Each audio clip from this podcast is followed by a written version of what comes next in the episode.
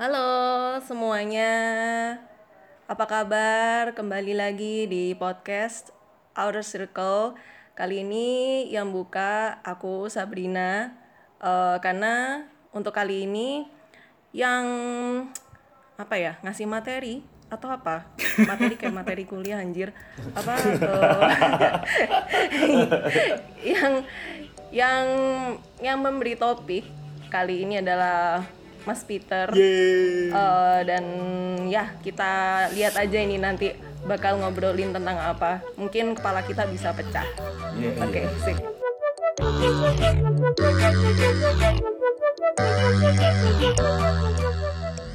Halo Mas Peter. Halo Haikal. Halo, Sab. Sab. Wih, kompak banget kita, Bro. Iya. seminggu ini gimana kabar kalian nih Peter lu, gimana Pet? gue oke gue gimana nih seminggu seminggu ini sebelum hari ini baik-baik saja, tapi hari-hari hari ini agak nggak nggak enak nih tiba-tiba gue perut gue sakit terus mencret-mencret. Kampung banget sakitnya. Iya, iya. iya. Padahal di kota besar. Aduh. Eh, tapi kata tapi tapi pernah denger nggak sih katanya kalau orang kalau di Jepang itu nggak ada penyakit cacingan sama sakit perut katanya. Oh, adanya. Eh nggak ada karena mereka makannya bersih. gue kalau kata om gue, gue nagaan sih. Soalnya, katanya ah, ya di lanjut Pet. oh iya lanjutlah itu guyonannya cringe anak lama. Oke, kalau eh kalau Haikal gini gimana nih? Gimana Eh, nih? Ada pada- ah. ada cerita apa nih? Pengen selama sharing dikit sedikit aja. Oke. Pada oke. masih ingat namanya Benteng Takeshi nggak sih acara Wah. zaman dulu? Dia Iya, bodoh iya. sekali yang mulia itu. Iya iya iya iya. iya. I- itu jadi tanggal berapa kemarin tuh? Tanggal 4 Agustus kalau nggak salah. Jadi ada nama game namanya Fall Guys. Itu konsepnya lucu-lucu mirip kayak Benteng Takeshi gitu. Jadi kayak melewatin rintangan rebutan bareng orang-orang gitu. Dan itu kalau cobain aja itu wah ngakak sih mainnya. Kalau nggak kalau Game penasaran ini game- bisa lihat di YouTube juga. Game mobile ya. Di PC apa ada. itu? Oh, PC ada? Di PC YouTube. sama PS. Di PC ada, di Steam ada. Oh, boleh tuh, Pokoknya boleh. kayak kayak kayak kayak ma- apa ya bener-bener kayak lagi main benteng Takeshi gitu lari-lari jatuh-jatuhan tabrak-tabrakan sama orang Apa tuh? Itu apa itu nama gamenya tuh? Apa tuh? Aku mau lihat di. YouTube nih. Fall Guys. Fall Fall Guys. Fall guys. dan ya dan karakternya lucu-lucu gitu loh Fall Iya, ya, guys. boleh ntar dicoba nih. Ih lucu banget karakternya. iya makanya Lucu dan banget. gitu lari lari-lari gitu loh Sam. lucu banget nih karakternya. Ya ampun gendut-gendut bulat-bulat gini. Tapi nggak ada nggak ada Oke, dubbing ini- itu ya, nggak ada dubbing. Ada Bodoh sekali dia yang mulia nggak ada ya. Tapi serunya emang kalau lagi main sama teman-teman sih jadi kayak wah lucu-lucuan aja Ah. gitu lah. Iya. Oke, Sabrina ini sendiri gimana Sab? lagi Hmm. sibuk ngapain Gimana ya? Eh gimana ya? Datar-datar aja sih. Hidupku Lanjut datar-datar aja sih. Ah, Lanjut drama, drama Korea. Korea.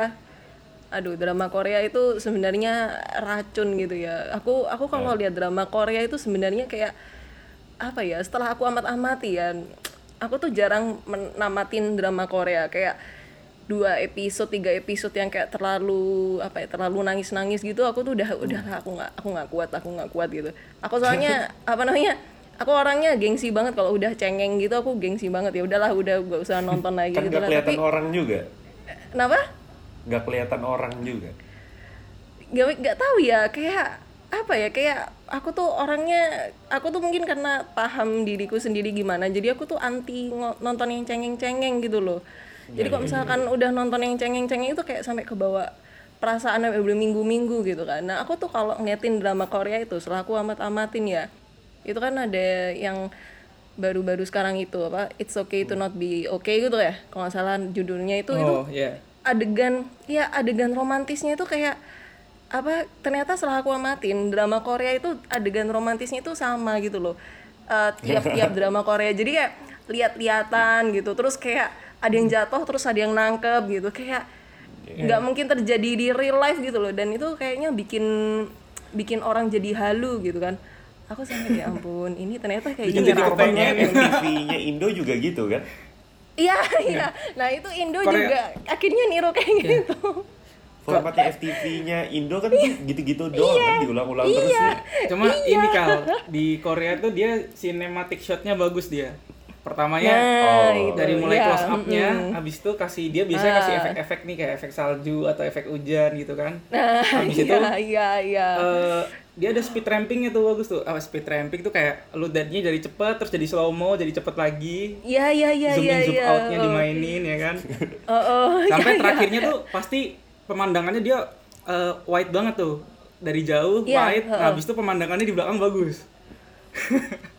Terus lo kayak Sampai- mengharapkan Setidaknya- andai kan itu terjadi di hidup gua gitu.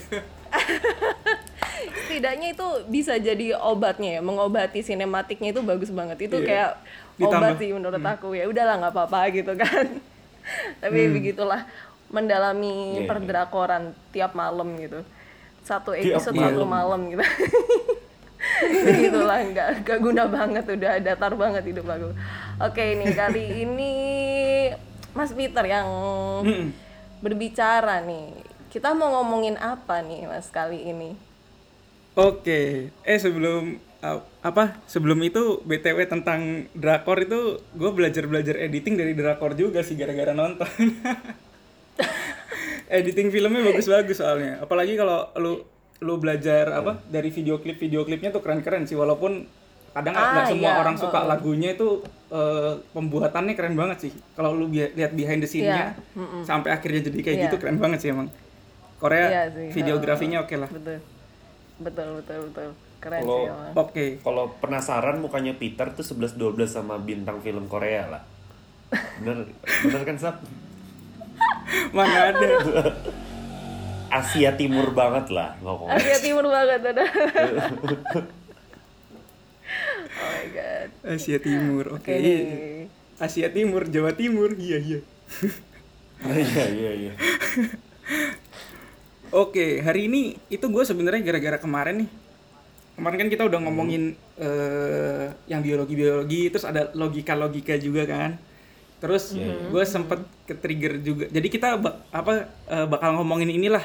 Gue kayaknya seneng apa seneng bahas ini gitu. Terus abis itu ada itu juga kan waktu di episode 0 ya, waktu episode 0 waktu kita intro itu Sabrina ada bilang kan dia su- lagi suka baca-baca buku filsafat terus ada orang yang ngomongin jangan baca buku filsafat ntar nggak percaya Tuhan nah bener nggak sih kayak gitu gitu iya iya iya itu menarik gitu ya gue mau gue mau bahas itu sama nanti beberapa kita ada diskusi lah tentang logika logika ini gitu deh. Ceritanya. Nah gue pengen oke. eh apa ya? Jadi gini eh gue sebenarnya apa ka- karena kemarin gue ngomong kan gue ngomong kalau eh, kalau ngomong harus ada basicnya. Dan gue nggak mau ngomong kalau nggak ada basicnya. Nah gue ada basicnya juga tapi ini kayak jadi kayak sombong nih. Basicnya Peter banyak emang ya. Iya basic basicnya gue banyak ya tapi nggak ada yang ahli.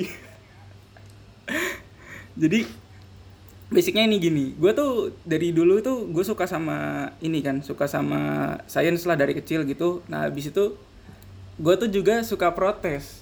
Nah dari suka protes itu nah kebetulan kan sekolah gue tuh satu yayasan ya. Jadi TK SD SMP SMA tuh nyambung gitu kan. Oh, Nah, iya, gue- iya, agak terkenal lah. Akhirnya waktu SMA tuh lu tahu ada debat bahasa Inggris kan iya iya Nah, debat bahasa Inggris. Nah, gue tuh diikutin soalnya eh ya logik gue sama kalau gue protes bikin pre apa eh, dari premis-premis narik kesimpulan tuh lumayan lah. Tapi di situ bahasa Inggris gue jelek. Jadi gue nggak kepilih di tim, cuma gue dapet jadi tim apa ya? Sparing jadi Supporter. sparing tim gitu. Jadi Hmm. ini anak-anak ini yang keren dan bisa bahasa Inggris. Yang ini yang logikanya lumayan bagus aja bahasa Inggrisnya nggak seberapa buat jadi tim latihan gitu ceritanya. Nah, gue jadi Ah. sparing timnya itulah Iya, iya, iya. intinya. ini jadi kayak bantalan pukul yang buat bantalan pukulan Iya, samsak. orang itu loh ya samsak Iya kayak samsak. buat jadi tempat latihan orang Gue jadi tempat latihan doang. iya iya iya iya. Gitu. Soalnya sorry ya kalau kasar ya ya nggak apa ya emang kenyataan itu. Ya bahasa Inggris gue jelek waktu itu kan. Sampai sekarang juga mungkin sih. Nah, jadi ada basicnya di situ ya kita diajarin tuh eh, gimana sih caranya berlogika dengan benar. Jadi bagusnya di eh, debate yang competition itu eh, lu diajarin nih logika yang bener gimana sih terus berusaha nyari eh, orang tuh eh, struktur logikanya bisa bisa cacat kan ada kesalahan-kesalahan di cara berpikirnya penalarannya nah itu Iya, iya. kita harus spot-spot itu ada di mana aja nah jadi diajarin kayak gitulah jadi dikit-dikit belajar lah eh, tentang eh, materi logika dasar kayak gitu. Eh, fallacy-fallacy ya adalah belajarnya dikit-dikit lah. Jadi nggak bolong nggak bolong-bolong banget lah gue nggak nggak ngelantur-ngelantur banget nih ngomongnya nih. Tidak walaupun tidak ahlinya ahli intinya inti ya. Nanti mungkin ada teman-teman tahu kulit lah ya. Ya ya nanti mungkin kalau ada teman-teman yang eh, kuliah di filsafat atau apa yang dengerin ini terus oh ini ada ada yang salah nih atau misalkan ada yang kurang tepat karena ini kayak apa namanya karena aslinya tuh kayak gini lagi lebih dalam lagi. Ya itu udah emang di luar kemampuan gue sih. Jadi kemampuan gue emang yang basic-basic aja. Tapi ini seru sih buat di, ini. Gitulah tapi ada fakta lucu loh. Yep. Tentang filsafat. Yep. jadi dulu itu Hmm. gue tuh pernah mau ngambil filsafat 2 SKS di kampus kita. Oh iya. Dan ternyata dihapus mata kuliahnya kurang ajar. Karena apa? Oh ada dulu? Dulu tuh ada sub jadi ada 2 SKS cuman gak wajib emang hmm. Oh. gue juga cuman cuman akhirnya karena gue mikir kan kayaknya bi enak nih dapat nilai dari 2 SKS ini gitu kan hmm. ternyata dihilangin karena apa Coba. ada perubahan Sayang kurikulum ya kalau nggak salah ada perubahan kurikulum Oh. akhirnya hilang itu mata kuliah Wah sayang banget. Hmm, setahu gue tuh awal gua masuk tuh nggak dikeluarin loh itu kayaknya. Kayaknya ya, awal gua masuk seingat gua soalnya gua selalu, selalu ngeliatin mata kuliah apa aja yang ada yang bisa gua lompat-lompatin gitu. asik Tapi ternyata itu semua gagal sampai gua ngepo-ngepoin mata kuliah jurusan lain nih. Siapa tahu gue bisa ikut gitu kan. Tapi akhirnya gagal semua. Karena memang terlalu terlalu berat memang kuliahnya di jurusan sendiri. Gue dulu mimpi kayak ranco kan bisa pindah kelas ke mana gitu eh kan. Jauh Tapi ternyata tidak bisa. Saya tidak sesuper itu. Sebentar. Oke, udah lanjut lanjut oke lanjut. Jadi ini eh, kita iniin dulu ya. Jadi filsafat itu atau filosofi ya kan? Itu kalau filsafat kita ambil dari bahasa Arab kan falsafah. Falsafatum kalau nggak salah namanya. Terus kalau filosofi sendiri itu emang dari awalnya kan dari Yunani tuh. Diambil dari kata philo atau filia artinya cinta sama Sofia. Eh, ke bija- ke Oh baru tahu ini. Heeh. ke Iya, ke bij- bleh, bahasa Indonesia susah banget sih kebijaksanaan nah jadi Nah. cinta akan kebijaksanaan ini gimana jadi orang itu jadi awalnya itu kan yang dulu ada si Plato lah Socrates kayak gitu dia tuh kayak pengen tahu sih orang nih cara mikirnya gimana sih? Dia tanyain satu-satu lu tahu nggak sih hidup itu kayak gimana? Lu tahu nggak sih mati itu kayak apa? Kenapa sih dia dibilang cantik? Kenapa sih dia dibilang ganteng? Yang kayak gitu-gitu.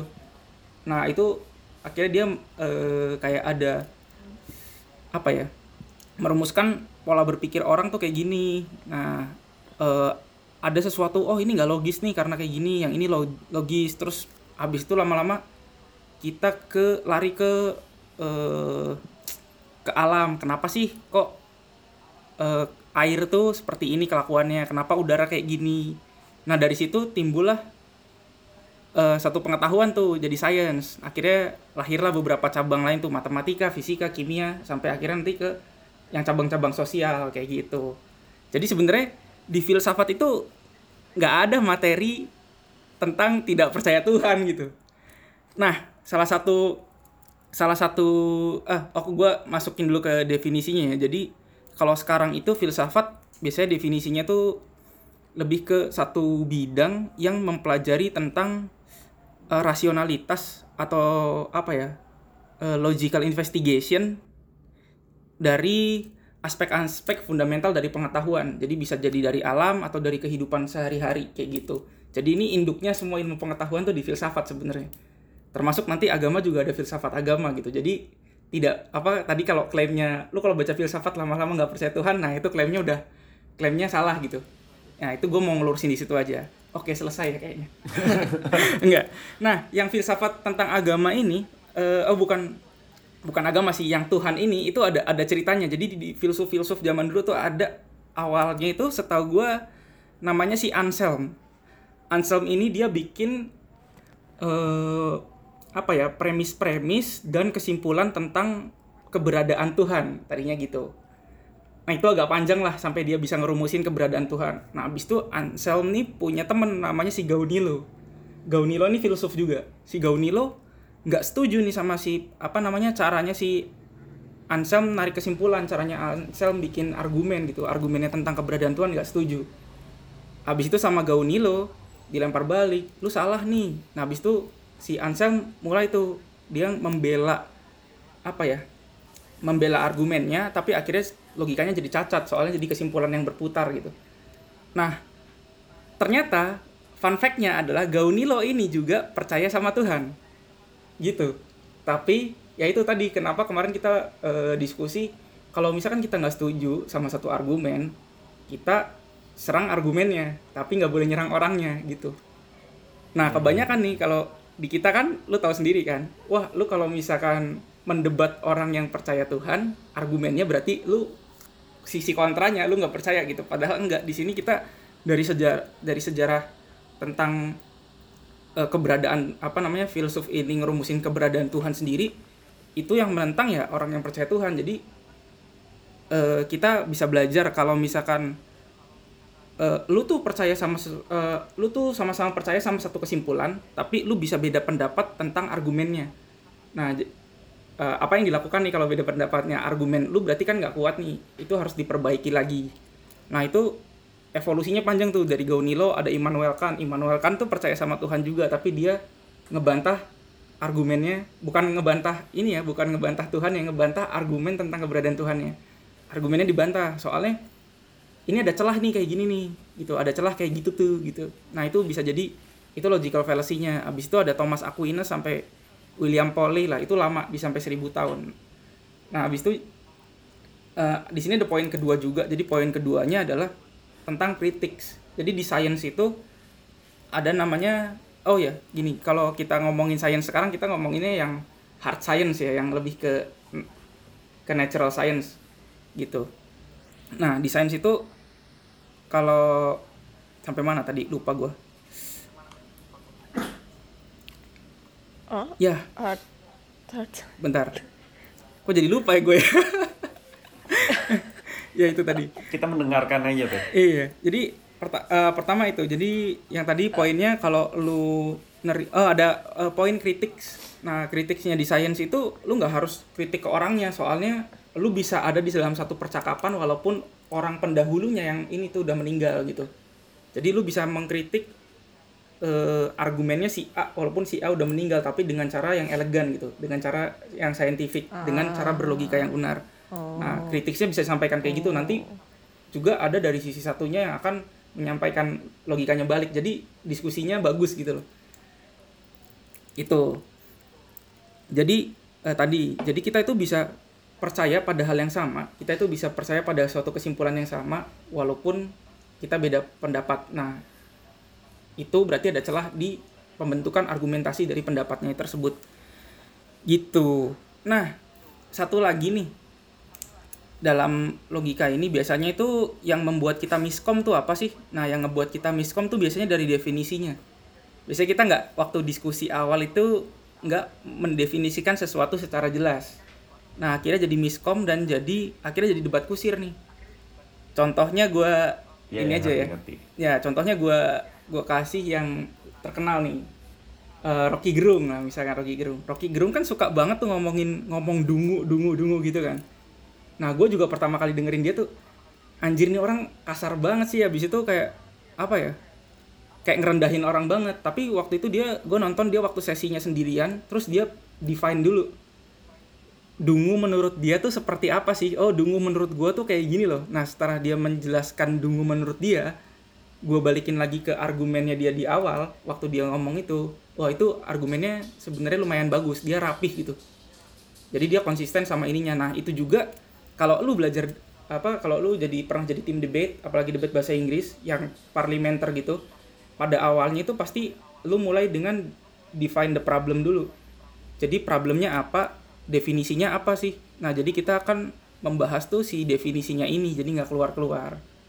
Gitu. Nah, salah satu ah gue uh, contohin beberapa ya ada dua contoh nih yang yang terkenal banget pasti ini dua contoh yang terkenal banget itu karena definisinya nggak jelas inget waktu pilkada Pak Anies Baswedan sama Pak Ahok bahas normalisasi ya kan jadi hmm. uh, Pak Ahok kan ngomong oh ini uh, sungainya sudah mengecil harus digusur lah segala macam segala macam biar dia normal lagi.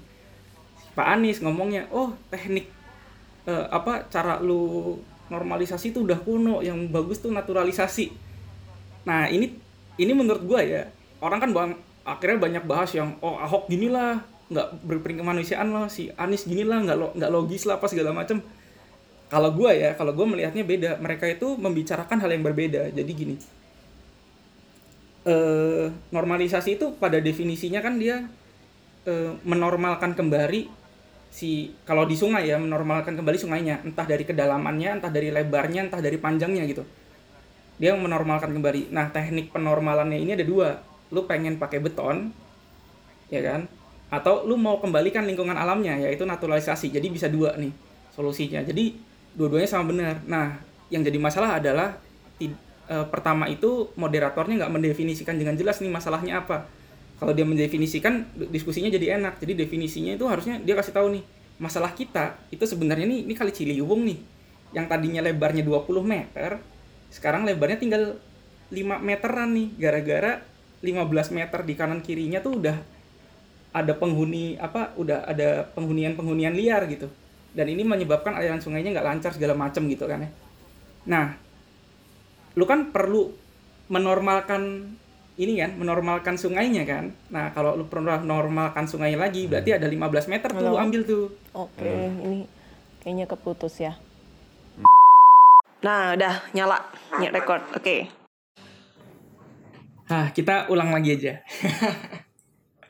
sungai Ciliwung. Karena tadi iya, sempat putus. Oke, okay, jadi oh ya, uh, eh, BTW ini dulu ya. Jadi uh, di sini bukan kita logikanya selalu benar ya. Jadi kita itu uh, kan karena selalu belajar jadi logikanya lebih baik. Kan sampai kayak yang tadi juga dari mulai si Anselm, Nilo, Immanuel kan segala macam tuh mereka udah filos, filsuf filsuf kelas atas tapi logikanya masih ada cacatnya.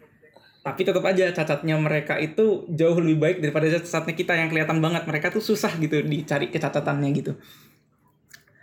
Nah oke okay, uh, eh, gue balik lagi ke yang topik tadi ya jadi hmm. uh, suka di antara kita tuh definisinya nggak jelas. Contohnya kayak waktu pilkada kemarin tuh, waktu Pak Ahok sama Pak Anies. Bukan tidak jelas ya, nah, tidak sama ya. Kenapa? Bukannya tidak jelas, tapi tidak sama ya. Iya, uh, pendefinisiannya yang nggak jelas, bukan pendapatnya Pak Ahok Pak Anies ya, pendefinisiannya. Jadi waktu itu kan uh, dibahasnya tentang normalisasi Sungai Ciliwung, tapi dia uh, kalau di debat bahasa Inggris itu kan kalau atau di kompetisi debat lain kita definisikan dulu kan uh, kita tuh mau ngomong ini apa. Kalau itu cuma normalisasi sebagai salah satu cara iniin banjir gitu. Nah apa penanggulangan banjir lah intinya gitu. Lagi ngebahas penanggulangan banjir jadi uh, definisinya nggak nggak bisa nggak kompak gitu. Eh nggak uh, definisinya nggak diutarakan secara jelas plus karena waktunya cuma sekian menit mereka nggak punya waktu untuk mendefinisikan uh, masalah yang mereka bahas nih jadi gitu. Nah jadi sebenarnya di situ ada dua pendapat yang beda. Karena definisinya tadi menurut gue nggak ada. Jadi si Pak Ahok itu ngomong tentang gue nih bakal gusur-gusur nih orang-orang terus gue bikin normalisasi nah Pak Anies bilang normalisasi lu tuh kuno caranya yang sekarang yang baru tuh namanya naturalisasi Nah, jadi sebenarnya uh, di sini nih dua orang ini ngomongin hal yang beda nih. Yang satu ngomong ngomongin dia mau ngapain, yang satu ngomongin oh. caranya gimana gitu. Nah, padahal yang jadi masalah di sini gini. Kali Ciliwung kan mengalami penyempitan kan. Dari hmm. lebarnya 20 meter, jadi normalisasi itu lu bisa melebarkan kembali, bisa ngedalemin lagi, diuruk segala macam, pokoknya ngebuat sungai itu jadi normal. Soalnya sungai sungainya udah nggak normal, intinya gitu kalau normalisasi di sungai ya. Nah, si uh, motionnya ini nggak jelas nih definisinya. Nah, ternyata yang diomongin tuh seharusnya nih si Sungai Ciliwung ini dari 20 20 25 meter sekarang udah tinggal 5 meter nih lebarnya nih karena sekitarannya itu yang 15 meter kanan kirinya itu itu ada pemukiman-pemukiman warga gitu yang itu sebenarnya menyalahi aturannya. Jadi akhirnya sungainya menyempit dan alirannya nggak lancar lah segala macam. Debit airnya jadi kebanyakan terus. Nah yang mau diomongin adalah ini kan lu mau memperlancar ini kan memperlancar alirannya. Caranya adalah sungai ini dikembalikan ukurannya atau dinormalisasi. Dikembalikan ukurannya ke 25 meter lagi. Tapi kalau lu ngebalikin ini jadi 25 meter lagi, berarti kan ada 15 meter yang tadi udah ada warga, warganya harus dipindahin dong. Gak mungkin ditenggelamin ke dalam sungai kan. Nah, solusinya gimana? Gitu terhadap orang-orang yang mau lu pindahin ini.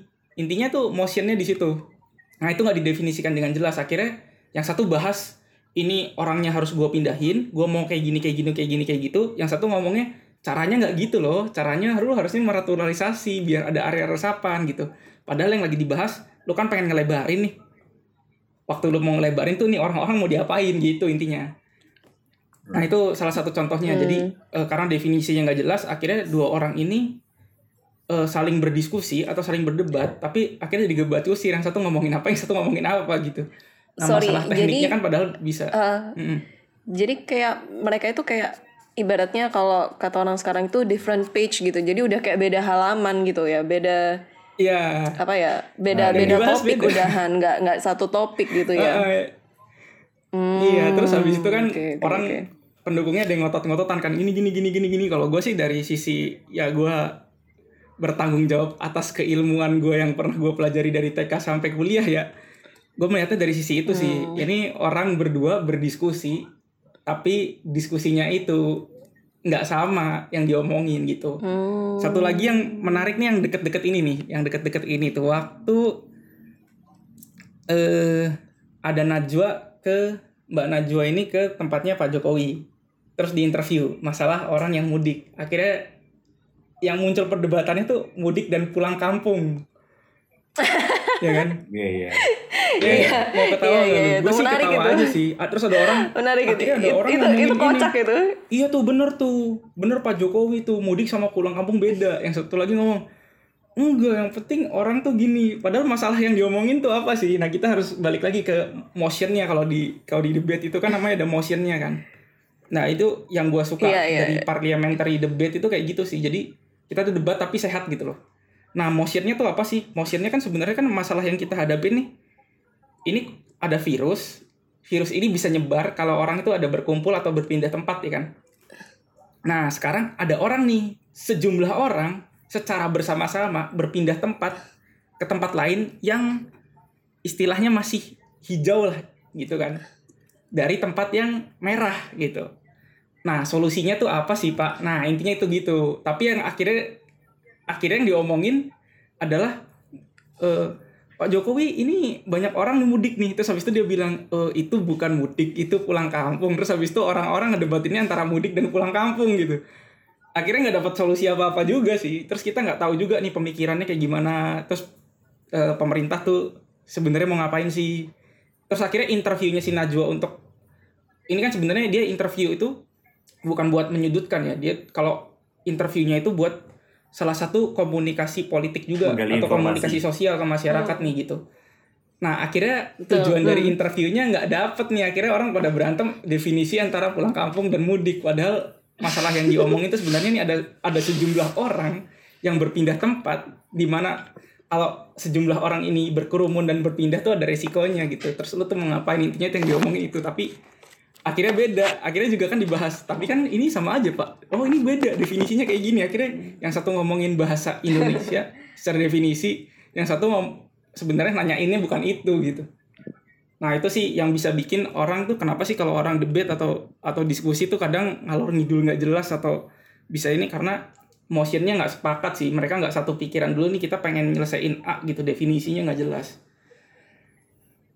gitu nah selain itu juga ada Nah, sih eh, yang tapi Mm-mm. ada kesalahan Eh, tapi, tapi nanti aja lah menurut- atau mungkin kalian mau sharing dulu nggak pernah ada pengalaman kayak gitu gitu ya atau yang Kalau menarik aku- menarik apa gitu hmm. Kalau aku mau nanya itu sih mas, kalau yang tentang Hmm. Pak Jokowi sama Mbak Najwa Shihab itu, eh, Hmm. yang salah yang salah itu pasti kalau misalkan eh, ada kayak apa ya perbedaan em, perbedaan apa ya perbedaan cara berpikir itu kan berarti cara berpikirnya mereka udah nggak satu nggak di satu tempat gitu ya. Itu apakah yang salah itu yang mengajukan pertanyaan atau yang salah itu yang menjawab gitu. Jadi kayak yang menjawab itu kayak sebenarnya juga kayak nggak apa ya entah menghindari pertanyaan kayak masih belum bisa menemukan jawabannya yang tepat untuk pertanyaan itu atau kayak eh, yang bertanya itu tidak menanyakan hal apa eh, yang permasalahannya secara jelas gitu. Menurut Mas Peter gimana Oh, itu? Oke. Kalau menurut gua sih ini ya nggak ada nggak ada yang bener nggak ada yang salah sih. Jadi logika itu kan sebenarnya cara kita menjawab suatu masalah atau atau struktur logika kan struktur pemikiran ya. Jadi penalaran kita terhadap sesuatu itu itu ranahnya bukan bukan ranah empiris gitu. Emang ranahnya abstrak. Cuma kita bisa tahu struktur yang benar gimana. Nah, sebenarnya nggak ada yang salah, nggak ada yang benar sih. Menurut gua Hmm. eh jawaban dari seseorang juga kita nggak bisa tahu tuh dia ngejawab niatnya apa. Ada yang memang dia tuh ngerti sebenarnya tapi niatnya mau ngeles. Ah, Ada yang dia itu eh, emang bener-bener nggak ngerti dan yang di ngerti yang ngertinya dia tuh berdasarkan pen, senangkapnya dia tuh jawabannya kayak apa pertanyaannya tuh maksudnya ini nih jadi gua ngejawabnya kayak gini ada kayak gitu nah itu di luar di di luar kontrol kita sih kontrol gitu kita ya. cuma yang kita Hmm. Heeh. Cuma kalau misalkan kayak gitu, eh itu nanti akan tugas si kalau misalkan wawancara tuh berarti tugas interviewernya atau misalkan di eh, debate atau dis, ada dis, discussion group itu eh ambil andilnya ada di moderatornya sih. Moderatornya yang harus ngarahin nih sebenarnya kita lagi ngomongin apa gitu. Makanya iya, waktu iya, itu reaksi iya reaksinya si Najwa juga kan lumayan tuh. Oh, Eh, jadi kita baliknya ke sini nih Pak. Jadi Bapak itu maunya ke arah kesehatan atau ke arah ekonomi akhirnya ar- arahnya ke situ kan. Hmm, hmm, hmm. Nah, dia akhirnya lebih lebih ngarahin tuh biar Ah, lebih iya, iya, jelas nih benar-benar. stance Hmm, hmm, ya stance-nya ada di mana gitu. Da- itu sih menurut gua jadi nggak ada nggak ada salah nggak ada benar sih. Jadi dua-duanya harus sama-sama bisa ngebaca dalam tanda kutip bisa ngebaca pikiran lawan bicaranya tuh larinya ke mana, terus ngarahinnya caranya gimana. Jadi juga kalau ngobrol nggak bisa juga nih kalau misalkan kita ngomong nih sama orang yang mungkin eh sorry to say tingkat pendidikannya itu di bawah di bawah kita nih yang kayak kemarin kata Haikal kita nggak bisa ngomong yang hal-hal yang sophisticated yang bla bla bla bla bla, cuma harus ngomong bahasanya mereka tuh Hmm. nah itu kemampuan kita buat ngomong pakai bahasa mereka juga diuji di situ sih supaya mereka dapat motion yang benar tuh dapat definisi yang benar jadi Nah. diskusinya enak gitu gitu sih kalau menurut gue gitu sih Hmm.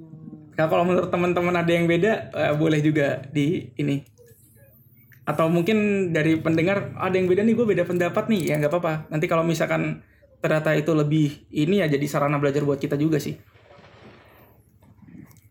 Sebenarnya gue termasuk cukup bingung bicara masalah konteks ini ya.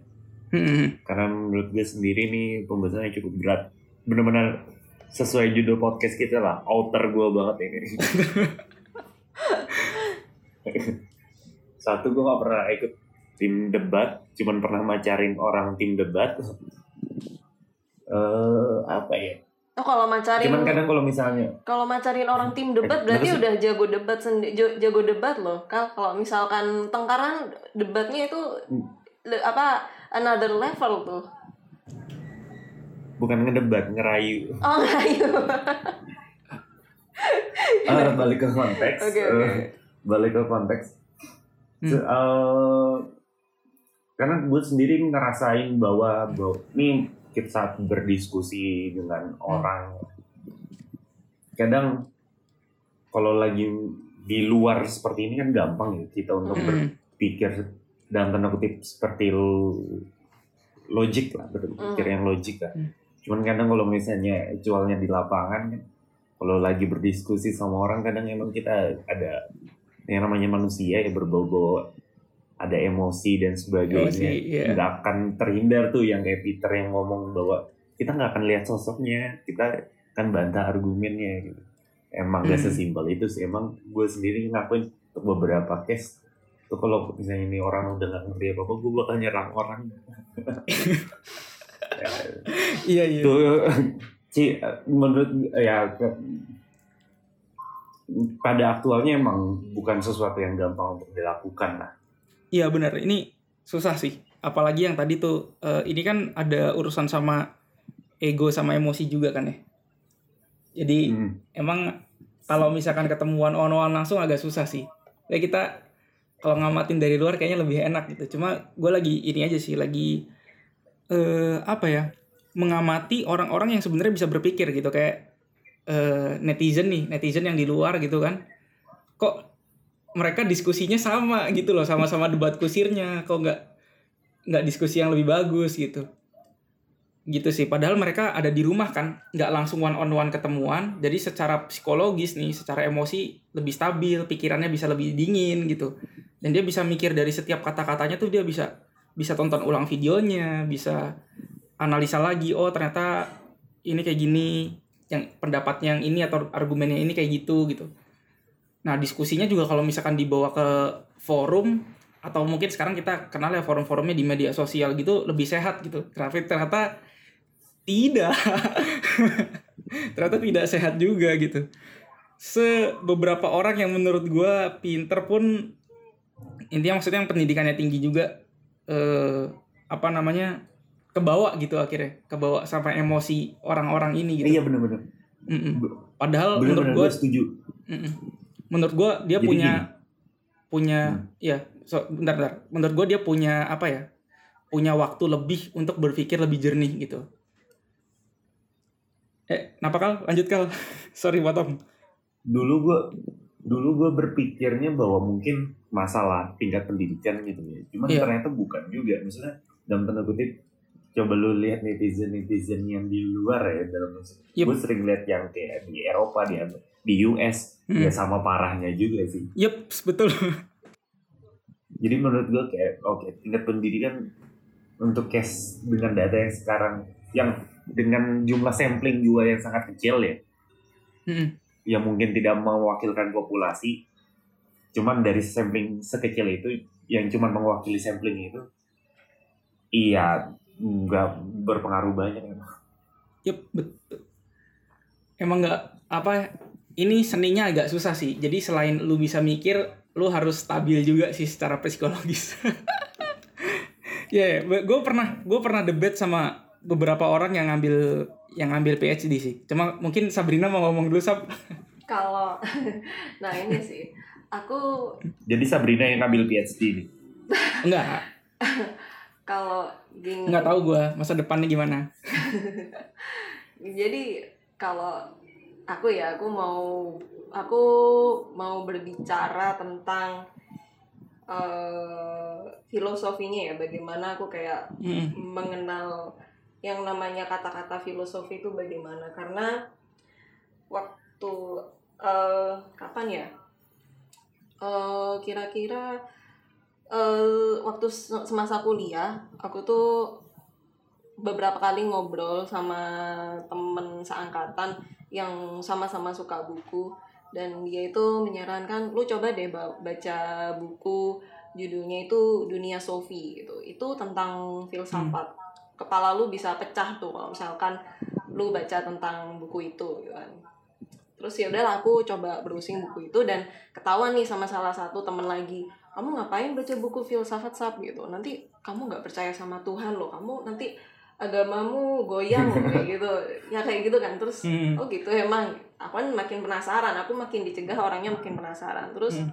waktu udah masuk dunia kerja aku ngobrol sama salah satu bos aku dan beliau bilang eh kamu kenapa kok nggak ngambil kuliah lagi aja tapi filsafat gitu. Coba deh gitu. Kamu kayaknya bisa gitu kalau misalkan kayak gitu. Terus aku bilang pak nanti saya kata teman saya nanti saya nggak nggak percaya Tuhan lagi. Ah enggak lah nggak kayak gitu gitu. Kita itu semua kita itu semua itu melakukan semuanya itu harus ada filsafatnya. Kamu sholat gitu. Beliau beliau non muslim ya dia beliau bilang kita beribadah kamu sholat saya ke gereja itu ada filsafatnya gitu. Terus eh, beliau minta dia minta menjabarkan kenapa kok aku harus sholat gitu. Nah aku di situ menjabarkan saya beribadah karena saya butuh pak gitu karena saya butuh saya butuh Tuhan saya membutuhkan pertolongan dan saya uh, membutuhkan uh, Tuhan untuk mengampuni dosa-dosa saya. Nah itu baru filsafat. Hmm. Itu kamu melakukan ibadah karena kamu ada dasarnya, bukan cuma sekedar kayak bilang oh ya itu wajib itu. Kamu mau memakai kerudung, oh ya itu kewajiban. Kamu nggak bisa bilang kayak gitu. Kamu harus tahu di balik itu semua itu apa kenapa? sih gitu. Hmm. Nah terus baru kapan hari aku uh, pinjem buku di aplikasi Ipusnas pinjem, akhirnya pinjem buku Dunia Sofi dan itu buku di hmm. aplikasi perpus perpustakaannya Ipusnas itu beneran kayak ngantri yang ngantri itu sampai berapa ratus dan itu aku jarang banget dapet gitu baru kemarin dapet itu aku hmm. baru baca beberapa halaman beberapa halaman pertama dan itu hmm. ternyata gini dasarnya dasarnya kita mau memulai yang namanya belajar apa ya kayak berbicara filsafat itu adalah kita itu harus punya rasa penasaran dulu gitu jadi kalau. Iya. kamu nggak penasaran kalau kamu nggak penasaran sama apa yang terjadi di sekitarmu kamu nggak akan pernah bisa bisa belajar yang namanya filsafat kamu bahkan berbicara tentang filsafat pun itu nggak bisa katanya gitu kalau aku yang tangkep ya hmm. dari beberapa halaman pertama jadi kayak uh, kalau kita kalau aku boleh berbicara menyinggung tentang orang zaman sekarang ya orang zaman sekarang itu hmm. mereka itu kayak kalau kita berbicara tentang ya balik lagi ya tadi ke netizen yang mereka akhirnya debat kusir gitu kan menurut hmm. aku itu karena mereka itu merasa dirinya itu uh, know it all gitu mereka itu tahu tentang segalanya yeah. gitu mereka mereka merasa mereka aku udah baca berita di sini aku baca buku ini aku baca hmm. tentang artikel ini gitu gue yang lebih tahu gue yang tahu gitu paling tahu konteks ini hmm. gitu kayak misalkan mudik sama pulang kampung gitu kan mereka itu kayak merasa yang kayak hmm. gue itu enggak maksudnya Pak Jokowi itu kayak gini enggak maksudnya Mbak Nana itu kayak gini kan pasti ada yang kayak gitu ya perdebatannya netizen yeah, gitu ya nah uh, yeah. Fenomenanya orang zaman sekarang itu mereka itu merasa yang paling tahu dan mereka itu takut untuk tidak tahu hmm. padahal tidak apa-apa kalau hmm. kita itu tidak tahu tentang sesuatu dan kita harus cukup humble kita harus cukup rendah hati untuk kayak mengakui bahwa gue nggak tahu masalah ini jadi ya udah gue bakal ngedengerin nih apa kata yang hmm. ahli atau mungkin gue bakal dengerin nih pendapat lu bagaimana gitu mungkin gue bisa kayak uh, mengambil kesimpulan dari diskusi kalian gitu nah hmm. uh, di situ tuh kayaknya apa ya kunci kuncinya filosofi itu menurut aku di situ ya kita harus mau penasaran dan kita harus mau cukup rendah hati untuk mengakui bahwa kita tidak tahu apa-apa gitu dan kita yep, betul. harus harus harus apa ya harus punya kayak rasa penasaran gitu misalkan kayak mm -hmm. uh, misalkan kayak langit mendung kenapa sih langit bisa mendung gitu dan mm. itu kayaknya itu kan kayak pertanyaan yang kayak bakal dilontarkan sama anak kecil ya anak TK anak yeah. SD gitu kan kenapa sih kok kalau kita malam uh, kalau malam kita jalan terus bulan kayak ngikutin kita kenapa sih kok kayak gitu mungkin kalau misalkan hmm. kita hmm. berbicara sama orang yang tidak tertarik dengan yang namanya filosofi ilmu pengetahuan dan sebagainya pasti dia kayaknya lu hmm. ngapain sih ngurusin hal kayak itu ya udah sih biarin aja gitu. Tapi kalau misalkan kita berbicara sama orang yang kayak satu frekuensi gitu ya tidak peduli dia entah latar belakang pendidikannya apa pun tapi dia ikut penasaran iya kenapa ya kok bisa kayak gitu ya? Gitu. Jadi hmm. kayak itulah mungkin ya fenomena orang zaman sekarang ya. Ketika mereka ketika ada orang yeah. yang mengakui bahwa iya saya tidak tahu. Di goblok-gobloknya lu bego lu zaman sekarang kayak gini masih nggak ngerti. iya. anjir lu iya kan? Tinggal lu lu hidup iya kan? Lu hidup di gua atau lu hidup di gua atau gimana sih? Lu hidup di pulau terpencil atau gimana sih? Nggak ada internet apa di rumah lu gitu kan? Tapi padahal yeah, betul. itulah itulah itulah sebagian kecil dari apa ya apa ya prinsip sebuah prinsip filosofi. Kita harus mau penasaran dan kita harus mau untuk merendahkan hati sedikit bahwa kita tidak tahu apa-apa gitu. Nah supaya nah supaya kita bisa kayak berdiskusi dengan apa ya dengan terbuka dengan dengan logika yang waras ya maksudnya dengan logika hmm. kita harus mengedepankan mengutamakan dua hal itu gitu.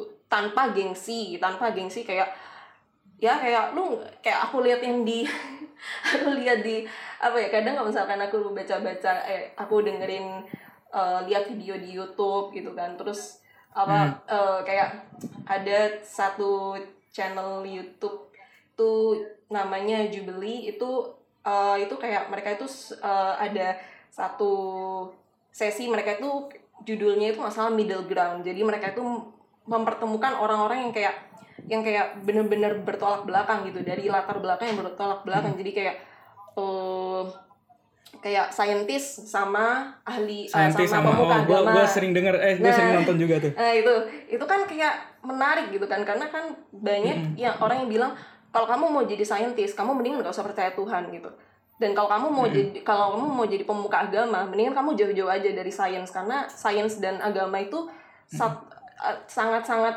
tidak bakal tidak pernah ketemu gitu nah tapi kalau kata Oh. Dan Brown itu kan eh, Betul. sains itu terlalu mudah untuk memahami apa yang dibicarakan oleh agama kan kayak gitu. Jadi apa ya di situ tuh kayak ya itu sih aku aku seperti aku bilangnya kayak gitu. Apa namanya kalau misalkan ya ini untuk pendengar juga sih. Ini ini untuk Hmm. pendengar juga ya. Saran saran sih untuk pendengar juga. Bukan untuk kayak supaya karena aku lebih tahu atau gimana. Cuma kalau misalkan kalian tetap mau ngedengerin ini kayak mendengerin tentang filsafat kayak gitu kita harus mau merendahkan diri gitu. Kita merendahkan hati bahwa kita memang tidak kita semua kita semua yang ada di muka bumi ini tuh tidak apa-apa tidak tahu tentang sesuatu dan tidak apa-apa penasaran akan sesuatu. Meskipun hal itu simple banget tapi nggak apa-apa nggak masalah gitu. Kayak gitu sih. Aku aku dari Iya. tadi tuh pengen ngom- ngomong tentang itu sih sebenarnya Iya, iya. Aku pot, ini bentar deh, aku balik ke bentar tadi ada pernyataan yang ada yang menarik sih, yang kayak apa? Kalau lu mau jadi saintis, lu nggak usah percaya Tuhan, tapi kalau atau per- percaya agama gitu. ah ya Tapi kalau lu mau jadi pemimpin agama, lu nggak Hmm. usah atau misalkan lu mau jadi agamawan lah istilahnya, lu nggak usah belajar sains. hmm, hmm. eh sebenarnya ada loh satu penemuan yang keren banget tuh. Namanya ada penemu yang keren, ada saintis yang keren banget dan dia pemuka agama juga. Hmm. Gregor Mendel kan. Pasti semua orang pernah belajar di Gregor Mendel deh kalau misalkan dia sekolah sampai SMP 9 tahun. Pasti pernah dengerin namanya Gregor Mendel kan? Lu pernah denger kan? Gregor Yang Gregor Mendel itu Yang biologi, yang kan? kromosom XY XY terus Ah, kenapa Iya, kacang makanya kacang biologi. kacang yang kisut Mendelnya sama kacang yang apa. Hmm. dia tuh dia tuh ilmuwan juga ya dia agamawan juga gitu kan dia kan ini kan apa namanya eh, biarawan juga kan Hmm. gitu jadi Hmm. ya bisa sih sebenarnya cuma orang aja mendikotomikan itu gitu Ah. ngotak-ngotakin aja sebenarnya bisa banyak kok or, apa Iya. saintis yang ateis ada tapi ada saintis yang jago dan percaya Tuhan juga ada sih sebenarnya gitu gitu Hmm. begitu juga dengan Iya sil. agamawan ini gimana kal Ya silakan pada cari aja lah sejarahnya Aljabar gimana. Ya, Aljabar tuh. Hmm, itu ya, si hmm. kakek Al-Khwarizmi. Kakek kami semua. Yang merubah semua mata kuliah kita jadi huruf semua nggak ada angkanya. mempersulit hidup Iya. yang kalkula kalkulat punya kalkulator belum tentu bisa ngitung. Iya. dia dia selalu tanya XXX gitu kan. Gak ada gak ada Sampai- angkanya. Iya, sampai ada jokesnya tuh. Dear Algebra, please stop asking me about my ex. iya iya iya ya kan? Terus ada lanjutannya, and don't ask me why kan ada ada Y kan? Karena suruh nyari Y. Don't ask me iya why. iya iya She or he will never coming will back. never come back iya kan. Iya. Oke, ini yang net- Tapi gue netizen mau juga. ngomong sesuatu. Hmm. gue mau ngomong sesuatu. Hmm. Gue tipe orang yang suka berhipotesa dan membuktikan bahwa hipotesa gue sendiri salah. Ah, ah. Karena kadang gue berhipotes berhipotesa A gitu. Hmm. Kedengeran nggak? Kedengeran, kedengeran. Ah. gimana Berhi- itu Gue suka berhipotesa dan membuktikan hipotesa gue salah. Eh, jadi misalnya gue berhipotesa A dan gue mencari buktinya dan ternyata jawaban yang benar B itu merupakan sesuatu yang menarik dan lucu gitu. Dan gue senang hal-hal kayak gitu. Balik Itu- bahas masalah netizen, gue tuh Hmm. saking pernah penasaran kenapa sih netizen segitunya banget. Ya Hmm. gue harus memposisikan diri sebagai seorang netizen. Hmm. dengan layaknya sepertinya mereka bergabung komen di tempat-tempat di mana pun lah misalnya di YouTube maupun di artikel gitu. Gue Hmm. pernah nyoba tuh. Gue komen sesuatu gitu kan. Hmm. terus ternyata ada yang respon nih bales kan. Hmm. ternyata menurut gua komentar di sosial media atau di YouTube maupun di mana pun itu adalah tempat yang berbahaya. Karena gue juga merasakan ada gejolak emosi gue ya pada saat titik itu gue berpikir bahwa oke gue ngerti kenapa netizen seperti ini. Akhirnya pada saat titik itu gue memutuskan bahwa oke gue nggak mau ikut komen lagi daripada gue terpengaruh banyak. Pernah komen? Pernah komen Iya, kamu kan soalnya ya soalnya gini, karena gue penasaran. Karena gue ada penasaran. Maksudnya pada pada saat gue ngomong misalnya ngomongin netizen kan gue nggak tahu nih persepsinya mereka seperti apa. Iya. cara yang paling cepat menurut gue adalah gue menjadi iya. netizen itu dan gue nyoba Iya, test the water emang langsung. emosi gue naik emang emosi gue naik wah emosi ini nggak sehat Iya. Itu habis tau- itu gue mikir ini Hmm. ini nggak sehat makanya Hmm. waktu itu gue berpikir ya udah gue mulu cukup berhenti berkomentar di tempat-tempat tertentu lah Yap, betul. Nah, Gitu. itu yang bikin emosi naik tuh sebenarnya ada satu faktor hal. Kal. Faktornya gini, kalau lu komen di kalau lu kita diskusi kayak gini kan, ada orang nih Hmm. istilahnya logikanya berantakan lah, gitu kan. Lu tinggalin Hmm. aja dia mau ngebego-begoin lu santai aja, gitu kan. Tapi kalau di medsos nih, lu digoblok-goblokin, lu tuh kenapa lu emosi ya? Soalnya lu dilihat semua orang.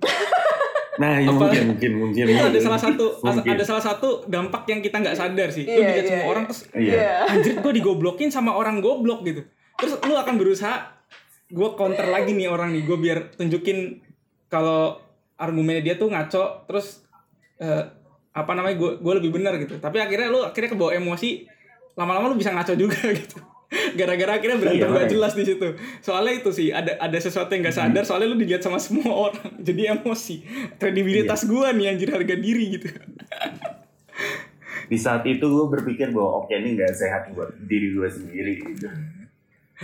oke oke gue lanjut net yang netizen itu eh, Lanjut, lanjut, lanjut. Hmm. Ya, ya, gue gue juga membatasi sih sekarang. Cuma emang ada beberapa forum yang emang oke, terus buat personal branding juga bisa lah gitu.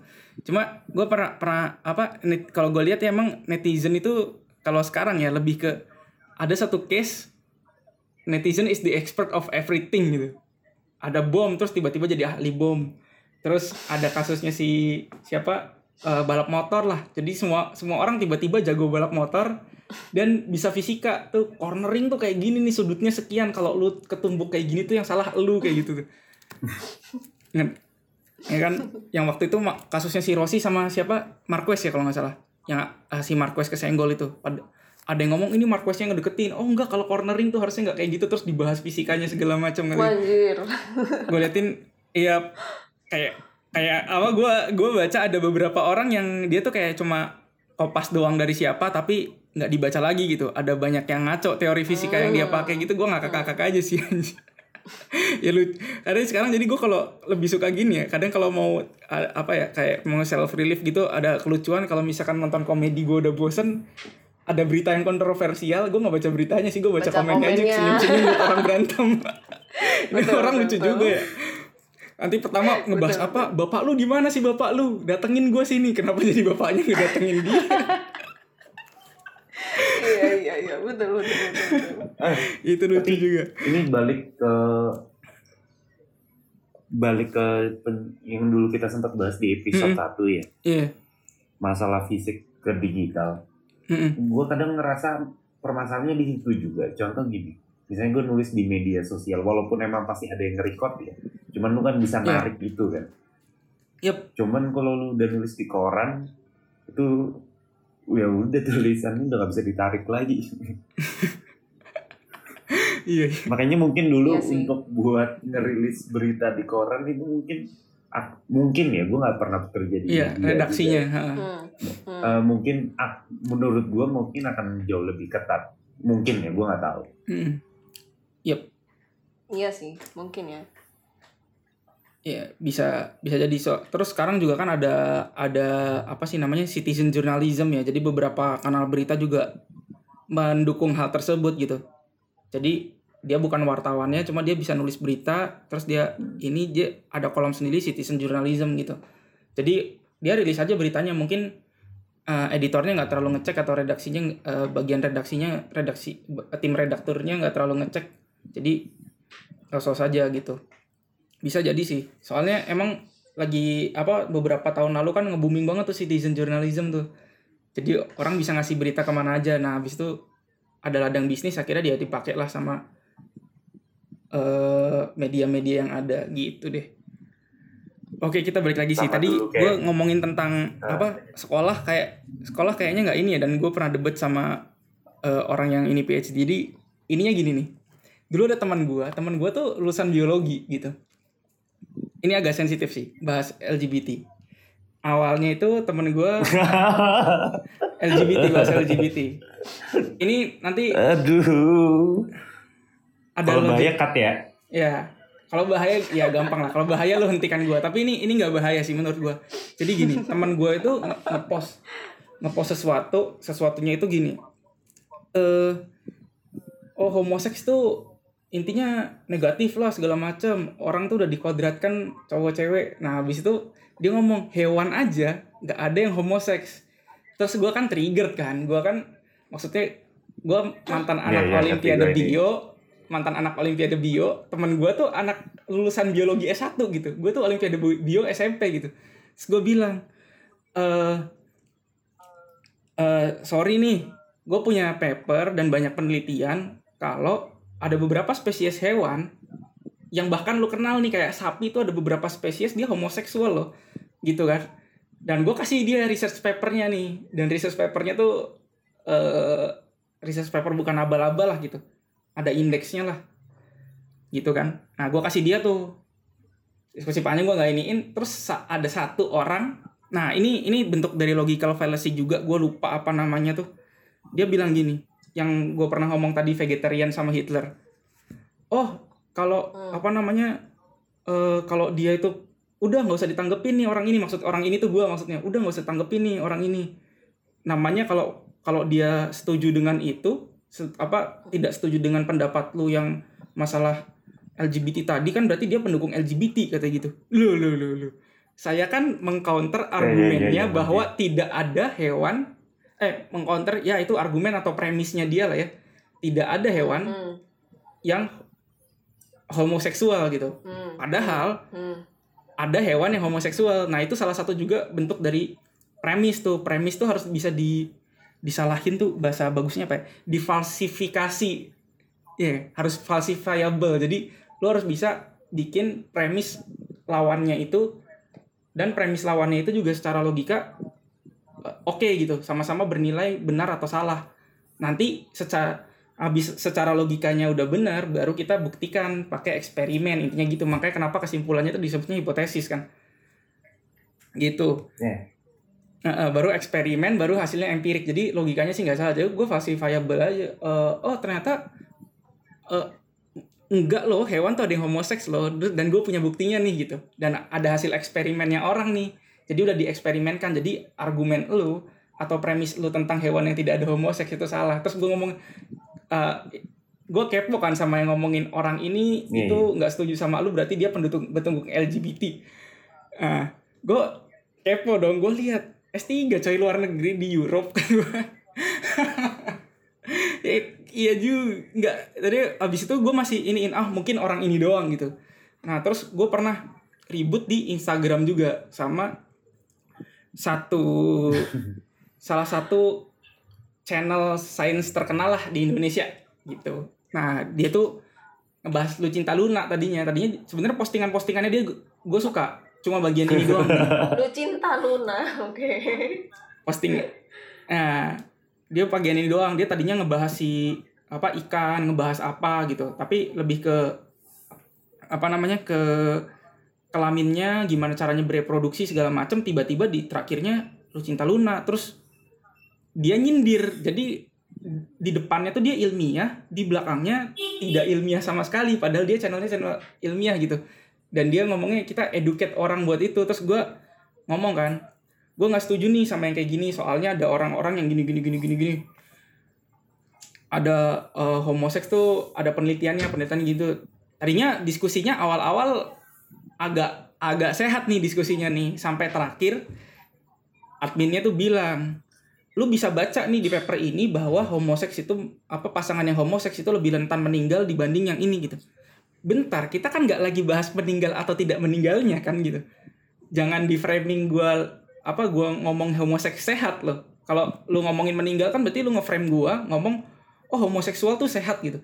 Gue nggak ngomong itu homoseksual tuh apalagi yang free sex tuh banyak penyakitnya. Gue nggak ngomong itu. Cuma gue ngomongin e, caranya lu menyampaikan suatu edukasi tapi dengan tidak dengan dasar ilmiah tapi dengan dasar lu nyindir dan lu ngomong itu adalah sesuatu yang saintifik tuh nggak tepat gitu loh.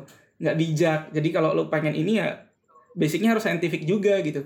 Jangan pakai nyinyiran. Oh kalau ini sih bukan cowok apa gitu. Nggak ada sains sainsnya sama sekali lah di situ intinya gitu yang gua yang gua counter pendapat dia yang itu. Terus dia kayak nggak terima ah di bawahnya terus gua "Hmm, kok kita jadi bahas ini ya? Gua nggak ngebahas ini loh sebenarnya stance gua di sini gitu.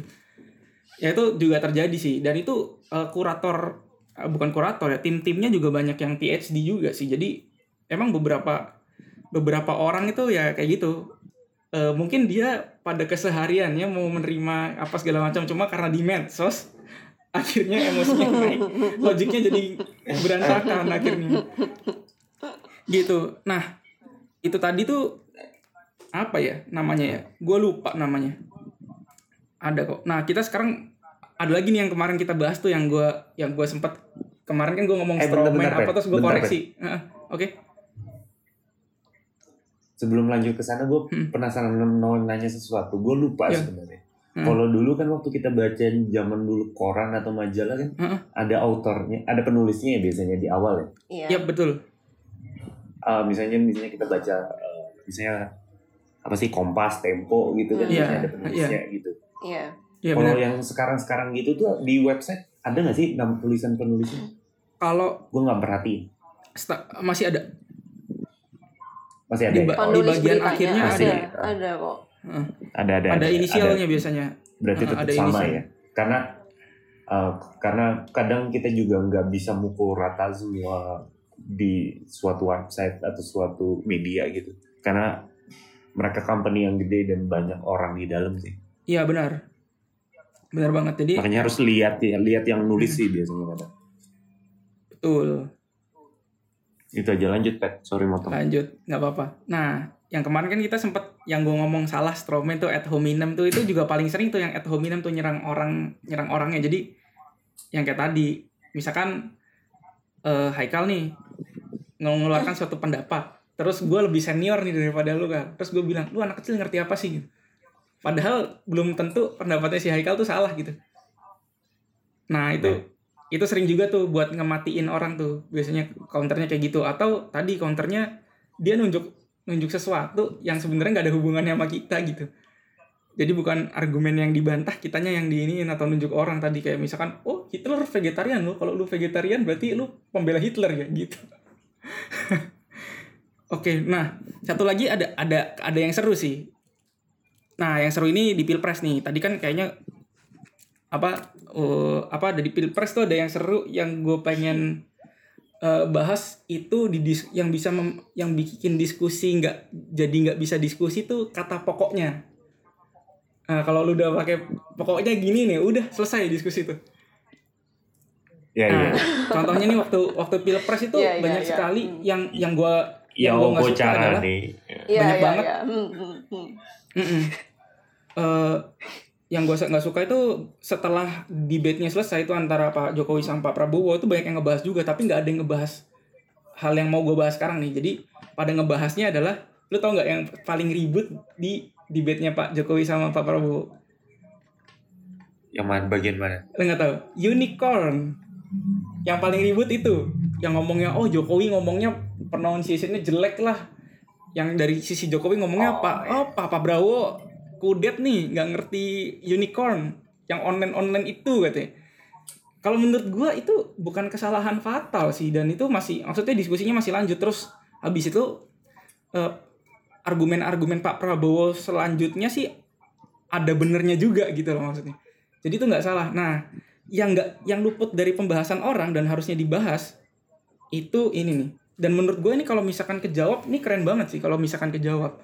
Jadi gini ada pertanyaan tentang uh, masalah impor bahan pangan. Nah pertanyaannya uh, apa si Iya, Jokowi iya, bilang gua kenapa masalah ki- ini.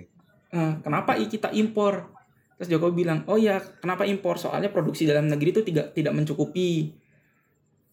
Nah sehingga kita impor. Kenapa? Oh kebutuhan kita sekian ton loh padahal produksi dalam negeri kita sekian plus plus ton. Kenapa kok masih kurang? Terus Jokowi bilang ya kan namanya ada eh, apa mitigasi bencana ada yang namanya stok kan lu kalau ngerti kan ada ada stok buat ini stok buat itu stok buat Hmm, ini ada hmm. ada manajemen Iya. stoknya ada me- Iya, mitigasi hmm. bencananya segala macam Hmm, hmm, hmm. Nah, habis itu yang gue tertarik adalah counter argumen dari Pak Prabowo nih. Dia counter argumennya, pokoknya kalau saya tidak akan mengizinkan impor sedikit pun. Pokoknya tidak boleh ada impor gitu. Wah, itu gue udah, ya udahlah ini sih kelar gitu maksudnya. Ya, kalau Iya. menurut gue gini, jawaban itu akan lebih elegan kalau gini. Pak Prabowo kan oposisi ya, dan eh, timnya dia itu banyak di eh pentolan-pentolannya DPR yang kayak gitu yang dia tuh yang ngebuat regulasi juga tahu tentang data juga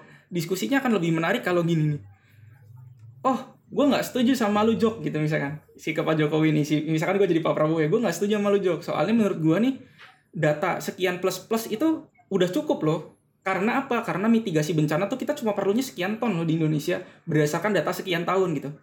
Terus untuk eh, manajemen stok juga kita hanya perlunya sekian ton doang. Jadi sekian plus plus itu udah cukup. Lu nggak perlu ngimpor. Kenapa lu ngimpor? Nah itu keren banget sih kalau menurut gua diskusinya akhirnya. Jadi dia mainin data yang ada counter argumennya jalan gitu daripada pokoknya gua nggak mau impor. Ya kenapa anda tidak mau impor pak saya nggak tahu alasannya gitu. Nggak ada nggak ada reason di belakangnya gitu. Nah ini gue pernah dapat cerita dari salah satu dosen kita lah waktu dulu kanselir di apa pemi- pemilihan kanselir di Jerman gitu. Ini gue sempat nyari footage-nya nggak dapat gue tahu nih, kayak gue tahu dosennya siapa ini. Ya, gue gue sempat cari footage-nya, footage-nya gue nggak dapet sih. Cuma yang dia ceritain gini, entah ini bener atau salah, tapi ini penting sih kalau misalkan eh, kalau ada debat-debat presiden lagi atau pilkada atau segala macam hal-hal yang kayak gini nih yang seru buat dibahas nih. Jadi waktu itu Jerman tuh kalau nggak salah kekurangan eh, buat power generation gitu. Ah, turbin gasnya tuh kurang segala macam udah banyak yang ini cuma nggak ada dana nih buat ke sana nih. Terus gimana tuh? Eh, energi terbarukan udah ini udah. Nah habis itu ada salah satu kanselir yang ngelawan. Oh gue punya solusi kok. Solusi gue adalah ngambil dari eh, turbin gasnya pesawat jet aja yang udah nggak ini yang udah nggak bisa jalan gitu. Gue jadiin dia statics. Kan sama-sama bisa Oh. ini, sama-sama bisa buat ini. Ya. Nah, entah entar di eks- secara eksperimen dia eh, atau secara pengujian dia visible atau tidak, itu salah satu rentetan berpikir yang bagus gitu loh. Dia ngasih solusi di suatu eh, debate yang Iya. bagus gitu, diskusinya Iya. jadi jalan. Hmm. Nanti yang satu counternya, oh nggak bisa, lu nggak ngitung ya? Yang pesawat tuh mesinnya cuma keluarin energi sekian loh. Oh enggak, soalnya gue punya teknologi di belakang apa universitas di Jerman tuh punya teknologi buat modifikasi biar pesawat mesin pesawat ini visible nih buat power Hmm. generation gitu. Jadi Hmm. orang tahu nih mana yang sebenarnya capable nih orang ini, mana yang logikanya jalannya lebih bener nih gitu. Pemimpin gue, gue pengen pilihnya yang mana sih gitu.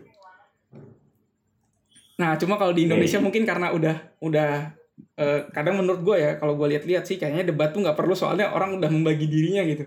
Dan yang swing voter tuh kayaknya kayaknya udah minoritas lah swing voter gitu. Ya udah mereka udah ngebagi dirinya jadi dua sih sebenarnya gitu.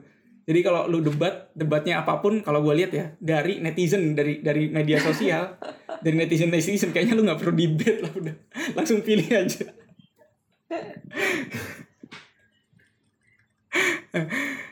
Gimana kalau kayaknya mau menyampaikan sesuatu tuh kalau tadi kalau Apa ya, gue lupa. Cuman kalau untuk Oh iya, sebenarnya Hmm. eh, mungkin yang perlu di biar yang lain denger nggak salah paham juga Hmm. Bahwa yang diserang Peter tadi itu bukan semua argumennya Prabowo, cuman Iya. lagi argumen satu itu aja. Iya betul argumen satu itu Kan doang. kita lagi eh, maksudnya ini kan kita lagi bahas proses berpikir ya udah kita jelasin dengan penjelasan yang lebih sederhana lah salah satunya contohnya tadi jangan Contohnya dilihat itu. bahwa Peter sedang menyerang semua argumennya Iya, atau menyerang dia lagi eh, apalagi menyerang orang ya enggak ini dia lagi bahas salah satu Salah satu. argumentasinya si bapak ini gitu. Iya, Itu jadi aja. nanti kalau misalkan di sini lu bilang, oh lu pembela Jokowi, sorry di pembicaraan kita sebelumnya, gue ada counter argumennya Pak Jokowi juga tuh yang sama Mbak Najwa. Jadi Iya, betul, betul. ya lu nggak bisa pakai logika itu ke gue gitu. Ini pembicaraan yang sangat fair-fairan banget sih. Fair fair fair aja gitu kan. Kita mau Iya. me- membahas apa aja. Yang paling um, yang paling gue rasain itu adalah dulu gue terbiasa untuk bergerak saat ditekan. Saat saat nggak ada pressure gue nggak gerak. Eh, emang eh, itu benar-benar masalah banget setelah lulus dan gue nyadarnya benar-benar setelah lulus. Maksudnya selama setelah selesai ospek pun kita tetap tertekan sama dosen-dosen dan mata kuliah ya. Hmm. Jadi mau nggak mau tetap gerak juga gitu cuman pada saat Hmm. udah selesai lepas dari itu itu benar-benar nggak ada tekanan ya. Hmm. akhirnya pada proses yang cukup panjang itu emang akhirnya gue belajar gue nggak bisa ngilangin sifat ini yang akhirnya berujung sampai saat ini adalah gue ngakalinnya dengan gimana caranya gue nekan diri gue sendiri karena gue nggak bisa menghilangkan ketergantungan sama pressure itu Hmm. Betul betul. ini contoh Hmm, hmm. Ini ini pengalaman gue di tempat Hmm. kerja ya. Gue sang tipe orang yang paling sering ngundang meeting tanpa ngolah materi duluan. Ya udah gue undang aja meeting dulu. Habis itu gue ada tekan, oh kampret, minggu depan meeting, yang harus bikin materi dong. Hmm. Hmm. Jadi emang efek negatifnya pada saat itu adalah sang sampai sekarang ini adalah gue bener-bener ketergantungan sama tekanan. Tekanan, ya. Emang berbahaya banget sih. Tapi Itu yang gue rasain ah. efek negatifnya lah. Oke. Yang yang itu BTW kalau eh, itu nggak cuma terjadi di kita doang sih, ada beberapa orang emang yang mungkin karena kebiasaan juga kali, mungkin lingkungannya juga. Emang ada beberapa orang yang terbiasa sama tekanan gitu. Hmm. Dan ada Hmm. orang tuh kayaknya kalau nggak ada tekanan sama sekali dia eh, malas gerak deh. Kalau nggak ada Iya, movernya sih. Iya. Itu itu ada Eh, cuma masalahnya yang tadinya itu kita ditekan orang lain sampai kita menekan diri sendiri itu yang susah soalnya dari awal kan kita sering banget ditekan sama orang kan. Nah, Nah, untuk itu menekan diri sendiri butuh itu proses. perjuangan sih. butuh proses itu butuh Iya. proses walaupun prosesnya sekarang gue udah cara ngakalinnya ya. Yoi. Nah, tapi gue emang hmm. kayak ada ketergantungan sama itulah dan itu ada ada cerita menarik tuh. Jadi, aduh gue lupa siapa namanya ya. Jadi ini ada cewek nih. Dia tuh udah kerja di salah satu perusahaan terus dia pengen eh, jadi data scientist lah, profesi yang lagi oke kan akhir-akhir ini kan data scientist. iya iya benar-benar Nah, si cewek ini cewek ini itu kalau nggak salah dia orang Amerika. Nah, habis itu atau orang Eropa gitu ya, tapi tinggal di Amerika. Gue lupa pokoknya ini cewek orang barat lah. Nah, habis itu eh, dia gini caranya dia adalah dia ikutin kan dia nggak mungkin nih belajar nih. Eh, dia udah dia langsung nekan dirinya dia dengan cara dia resign dari perusahaannya. Nggak punya penghasilan Nah, iya. dong mau nggak mau dia harus belajar nih. Nah akhirnya dia belajar tuh selama enam bulan. Kan gila data scientist susah kan lu harus ngerti arsitektur lu ngerti statistik lu ngerti machine learning segala macem. Habis itu caranya dia dia ikut beberapa program pelatihan gitu. Ikut beberapa program pelatihan terus dia harus nyobain case by case langsung yang ada. Kan lu kan bisa dapat dari Kaggle atau kasus eh, study case study case dari mana yang source-nya bisa lo ambil gratis gitu. Terus lu coba sendiri di komputer lu. Nah, terus dia itu bikin tekanannya tambah besar lagi. Dia bikin gini kan tadinya dia udah keluar nih jadi nggak ada penghasilan. Jadi dalam enam bulan mau dia cuma ada dana tuh sampai enam bulan. Jadi dalam enam bulan mau nggak mau dia harus udah kerja jadi data scientist gitu. Nah habis itu dia tambahin lagi tekanannya ke dia itu. Jadi kalau dalam sehari dia nggak nggak ngerjain sekian chapter plus satu exercise atau dua exercise gitu. Dia ada hukuman ya hukumannya dia harus ngasih sumbangan ke kampanyenya Donald Trump katanya gitu. Terus akhirnya dia sukses cuma berapa ya dia ya di sukses di 6 bulan langsung dapat kerja gokil dan apa namanya eh, nggak bukan apa nggak bukan yang data scientist yang junior junior gitu ya langsung posisi yang lumayan gitu gue ya ada beberapa emang ada orang tuh tekanan tuh penting juga sih menekan diri sendiri cuma apa biasanya kita nggak willing buat nekan diri sendiri kan. Soalnya udah ketekan sama udah biasa ketekan sama orang luar pengennya ah ya udah nyantai dulu deh gitu. Nah itu mungkin sih yang agak miss kali. Kita nggak pernah diajarin atau nggak pernah dapet insightnya. Gitu.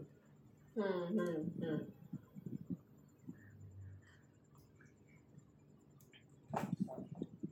Nih, Tenggelam dalam pikiran masing-masing. semua berkontemplasi eh tapi Hmm. tapi gue sekarang di luar proses ospek ya, Mm-mm.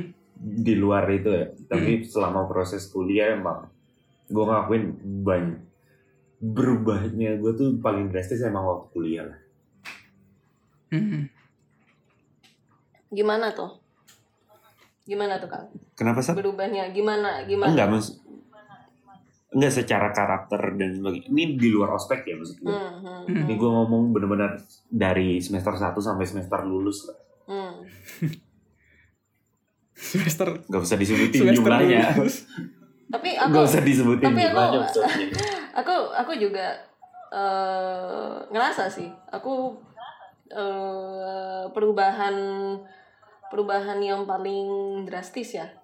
Itu waktu kuliah dan itu bener-bener apa ya agak lebay sih sebenarnya. Tapi aku bener-bener sampai yang harus nangis-nangis sih beneran.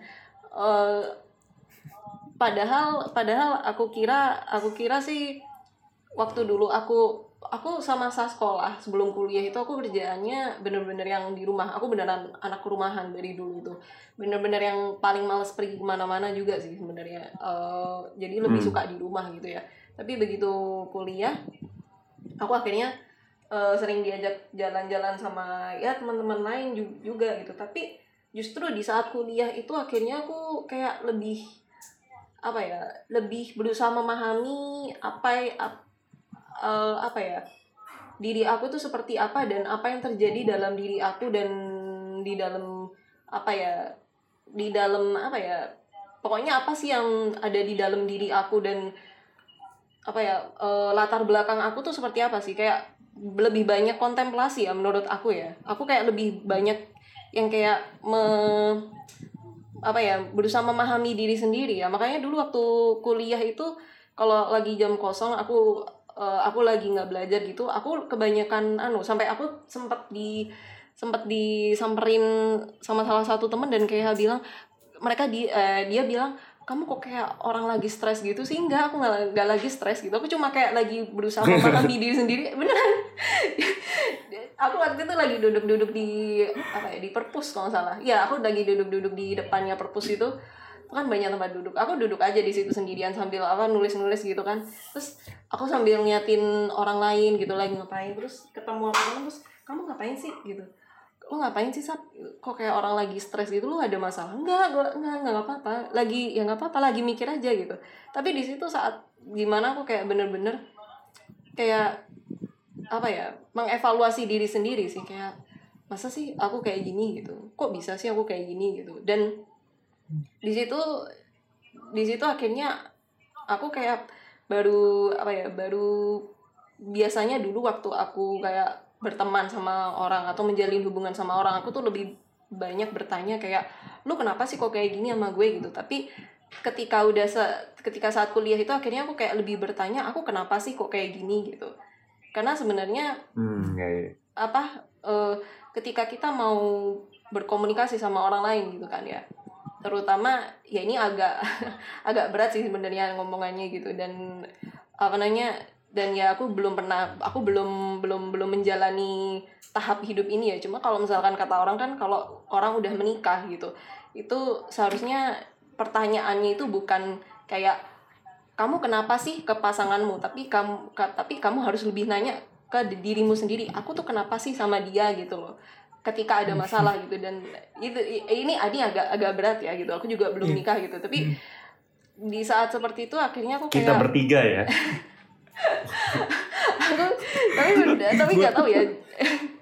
Aku sih akhirnya berpikir seperti itu kayak lebih berpikir kayak aku kenapa ya kok kayak gini? Apakah aku bisa melakukan hal seperti ini? Gitu dan di situ sih juga di masa-masa kuliah itu akhirnya aku belajar untuk kayak tidak tidak apa ya bukan tidak mendengarkan omongan orang lain. Cuma aku kayak lebih memfilter omongan orang terhadap aku dan aku lebih kayak hmm, gimana ya ya kayak lebih bagaimana caranya aku tuh supaya bisa eh apa ya menerima diri sendiri sih. Nggak tahu ya kayak kayak gimana sih apa kita itu bisa mandiri gitu. Kita kita itu gimana sih caranya bisa mandiri gitu. Ketika kita lagi down kita bisa lagi menghealing menyembuhkan diri sendiri dan gimana caranya kita bisa bangkit dengan sendiri apa de, atas diri kita sendiri gitu. Karena eh, jujur aja kalau jujur aja sih ya karena waktu beberapa kali aku kayak bertemu orang dia itu kerjanya baca buku motivasi buku motivator tapi dia itu kayak selalu kayak sering down sendiri dan kayak bingung caranya memotiv bingung caranya kayak apa ya eh, mem- membangkitkan dirinya sendiri itu gimana ya itu kayak ya kayak tadi katanya Haikal gitu kayak eh kayak harus ada tekanan dari luar gitu supaya mau bergerak gitu. Nah kalau orang ini tuh beberapa orang yang aku temui itu mereka kayak kebanyakan apa ya teori bagaimana cara menjalani hidup baca dari buku tapi ketika terjun langsung praktiknya mereka kayak hampir lost gitu jadi bukan hampir lost ya tapi kayak eh, menurut teori seperti ini tuh kayak gini gitu jadi aku harus ngikutin tapi mereka tidak menemukan resepnya dari diri mereka sendiri gitu loh ngerti nggak sih Iya, iya, kayak iya. membingungkan ya Wah, berat banget. itu alasannya mungkin dia baca buku Ini- motiva- baca buku motivasi ya karena emang kurang motivasi dia berarti Itulah tujuannya baca buku motivasi. Kalau udah termotivasi eh, tapi terus nggak tapi. Tapi gue tuh ingat suatu kejadian lucu loh gimana? ada salah satu angkatan kita cowok inisialnya R. Dulu tuh dia pernah dikeluarin dari kelas dari lagi kuis kalau nggak salah. Gara-gara lagi baca buku. Dikeluarin dosennya kamu nyontek ya keluar gitu. Di situ kita ketahuan ngapain baca bu apa ketahuan banget nyontek di apa nyontek di kelas gitu waktu kuis Heeh. habis itu dia ngomong ini bukan buku kuliah ini buku motivasi. Nggak, kayaknya aku tahu deh orangnya Jadi waktu ujian Tuh. butuh motivasi buku kelas motivasi. kimia dulu kelas kimia dulu siapa orangnya bentar, bentar. orangnya dari orangnya dari Sumatera bukan bukan bukan bukan Wah, sudah tidak perlu di di luar setelah podcast ini setelah podcast ini lah. Jangan di review lah itu jadi. ya. hmm. Ta- Tapi ini btw kocak banget sih kita dari awal bahas filosofi sampai ke sini nih gue sampai gue inget baca buku apa yang psikolo psikologi eh science gitu ya kan dari dari mulai Hmm. orang yang gue bahas kemarin tuh animisme segala macam terus sampai ada René Descartes realism. Nah ini John Locke nih empiricism nih. Gue merasakan apa kan tadi Sabrina bilang kan gue nggak ngerasain yang kayak gini jadi gue harus me- apa ngerasain dulu gitu. Jadi eh, yang lu belajar sekarang tuh dari experience experience dulu lu sebelumnya gitu. Gila ngeri. Itu gue baca buku satu chapter kelar kayak di sini eh tapi Eh, gue eh, ngelakuin BTW, Ah. btw gue ngelakuin. Hmm, hmm. lu dulu pet ya, yang tadi gue ada jokes sih yang itu yang kata lu kayak orang udah menikah tuh diri sendiri. Itu gue ada ada jokes tuh dulu terkenal banget nih jokesnya nih. Untuk mencairkan suasana. Jadi gini jokesnya kalau lu masih umurnya 15 tahun ya terus lu pacar mulai pacar pacaran gitu kalau ada yang deketin lu lu tanya gimana? Hmm. siapa lu? Deket-deketin gua gitu kan? Anjir. Sama-sama 15 tahun. Ntar kalau udah mulai 20 20 mendekati 30 eh, lu bakal tanya kan siapa gue gitu. Maksudnya kayak yang kayak lu tadi tuh sab gue tuh sebenarnya eh, gimana sih? Apakah jadi Iya, iya, mulai iya. kalau dulu kan "Uh, orang ini kok Iya, kayak gini ya?" Kalau sekarang karena karena dia kenapa sih dia memperlakukan gue kayak gitu? Apa gue harus kayak gimana gitu kan? Lu ada ada rasa kayak gitu kan Iya, tadi lu hmm. bilang. Nah Hmm, hmm. terus nanti kalau lu udah umurnya 40 ke atas tuh tapi belum dapet kan tadi kan siapa lu siapa gue terus itu terakhirnya siapa saja siapa aja deh. Iya tuh. Tuh gue pernah denger tuh kayak Iya, gitu. iya, jokes iya. siapa aja jokes deh. jokes bapak-bapak sih itu anjir. Jokes bapak-bapak aduh udah kelihatan tuanya itu kalau kita jokes bahas. bapak-bapak. Gitu kak lanjut kak. Intermezzo Ya, itu intermezzo. Hmm. lanjut kal tadi apa sih sebenarnya gue melakukan hal yang eh, melakukan hal yang sama sih. Mungkin mirip Hmm. sama Sabrina sih. Mm-mm. karena mungkin kalau dulu waktu SMA jumlah teman gue juga nggak banyak sih sebenarnya Hmm. pada saat kuliah gue dapat tiba-tiba yang satu angkatan banyak gitu kan Eh, gue dapat kayak insight yang berbeda lah dari Hmm. teman-teman yang dari berbagai daerah juga ya Hmm. Habis Hmm. itu gue emang agak ada sedikit ketagihan untuk bertemu dengan jenis orang-orang yang berbeda-beda. Hmm. Itu alasannya dulu itu gue salah satunya juga gue dulu tinggal dek- lebih dekat sama kampus tetangga sebelah. Iya Ya, iya iya gue iya. juga karena memaksa eh, memaksa berinteraksi dengan orang lain Oh. lebih banyak sih. Gak tau kenapa eh. dan emang kayak proses mencari jati diri loh Hmm. selama bertahun-tahun di sana gitu. iya iya Mhm. Hmm. Um, maksudnya kayak Sabrina tadi gue sukanya apa sih sebenarnya gitu mungkin Hmm. itu bukan sesuatu yang bisa dieksplorasi eh, gue eksplorasi atau eksploitasi ya bahasanya iya iya Iya. apa ya apa apa pun salah satu itu ya intinya nggak pernah gue lakukan waktu SMA cuman pada saat zaman kuliah tuh kayak gue emang bener-bener proses kayak gue orang yang seperti apa sih gue sukanya apa sih Hmm. Iya iya. Hmm, hmm.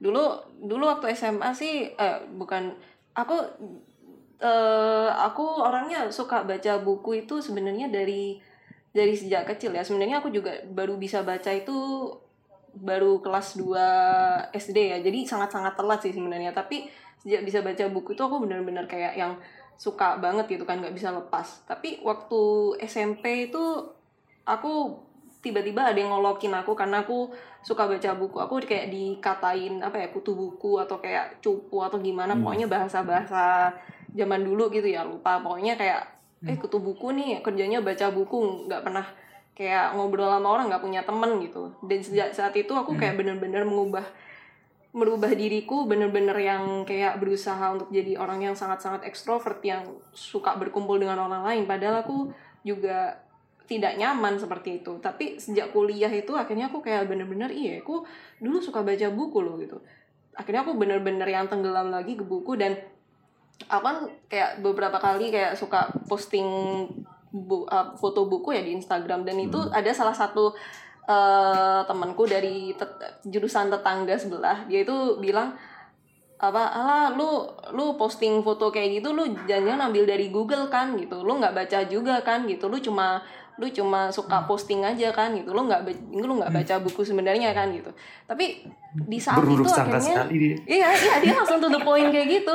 Tapi for the first time in my life aku ketika mendapat serangan seperti itu aku nggak aku nggak ketrigger sama sekali. Aku cuma ketawa haha gitu aja. Langsung aku tinggal orangnya. Dan itu entah kenapa kayak lebih melegakan ya daripada aku harus kayak dulu kalau misalkan waktu SMA aku diomong kayak gitu beneran aku ajak debat. Kayak ibaratnya lu mau lu mau Hmm, iya, iya. bacok-bacokan sekarang di sini ya udah gitu. Kayak aku bawa pisau gitu sekarang juga gitu. Tapi di saat kuliah karena mungkin aku lebih kayak memahami diri aku sendiri ya dan aku sangat-sangat tidak suka keributan dengan orang yang ibaratnya gimana ya kayak ya asal ngomong asal ngomong aja gitu kan. Dia kan asal ngomong kayak kayak gitu. Aku kayak oh ya udahlah biarin aja. Aku cuma ketawa haha langsung aku tinggal gitu aja sih. Dan di situ akhirnya aku mikir iya ya ternyata aku orangnya sangat nyaman dengan seperti ini gitu. Jadi meskipun kayak dikatain gimana cuma aku liatin orangnya oh ya udah dia ngomong kayak gitu ya udah aku diemin tinggal aja gitu. Aku ternyata lebih nyaman seperti itu dan eh aku baru menyadari diriku seperti itu ketika ya itu masa-masa kuliah bener-bener kayak yang bisa bener-bener berkontemplasi sih mem- memahami diri sendiri seperti apa ya. Aku sih sangat sangat apa ya sangat sangat tampaknya perubahan diri aku tuh waktu ya itu salah satunya ya itu sih aku yang sangat aku dalami selama masa kuliah gitu gue tuh punya filosofi bahwa Hmm. ini pendapat gue sendiri Hmm. Eh, berbahagialah kalian yang tahu dirinya suka apa Wah ya. betul sekali karena nggak Hmm. semua karena nggak semua orang tahu dirinya suka apa Hmm. Betul, Boleh. percayalah nggak semua Iya. orang loh Iya, benar-benar. nggak semua Gitu orang ya? loh tahu dia dia suka apa Gitu ya? Hmm. Ya ampun. Gitu ya? Baru nyadar aku. nggak ya nggak semua, semua orang. orang. betul ada yang harus Ada nyobain yang boleh- banyak ada yang harus Ba- nyobain banyak hal gitu kan Oh. karena karena ada beberapa orang misalnya gue kenal Hmm. kan misalnya lu sukanya apa sih gitu ya hidup aja sih Gitu, Gitu, eh. gitu Iya, ya? iya maksudnya ya sehari-hari ya gue makan minum hidup gitu ya Ah.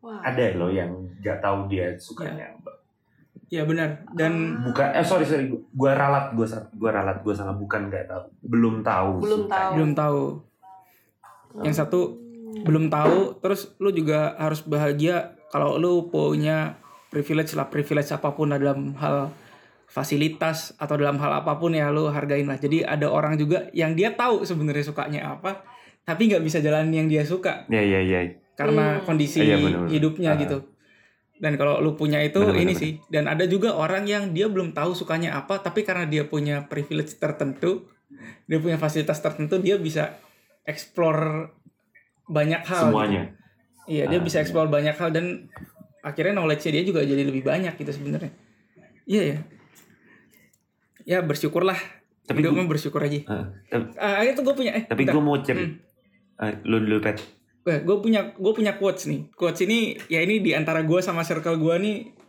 eh apa namanya eh, cukup tenar nih. Orang kan sering ngomong kan dunia itu nggak adil bener nggak? Iya. Nah tapi sebenarnya tuh dunia tuh adil. Tuh. Eh, nggak? Karena nggak adil semua. Secara secara secara gue bahasnya premis-premis filsafat ya.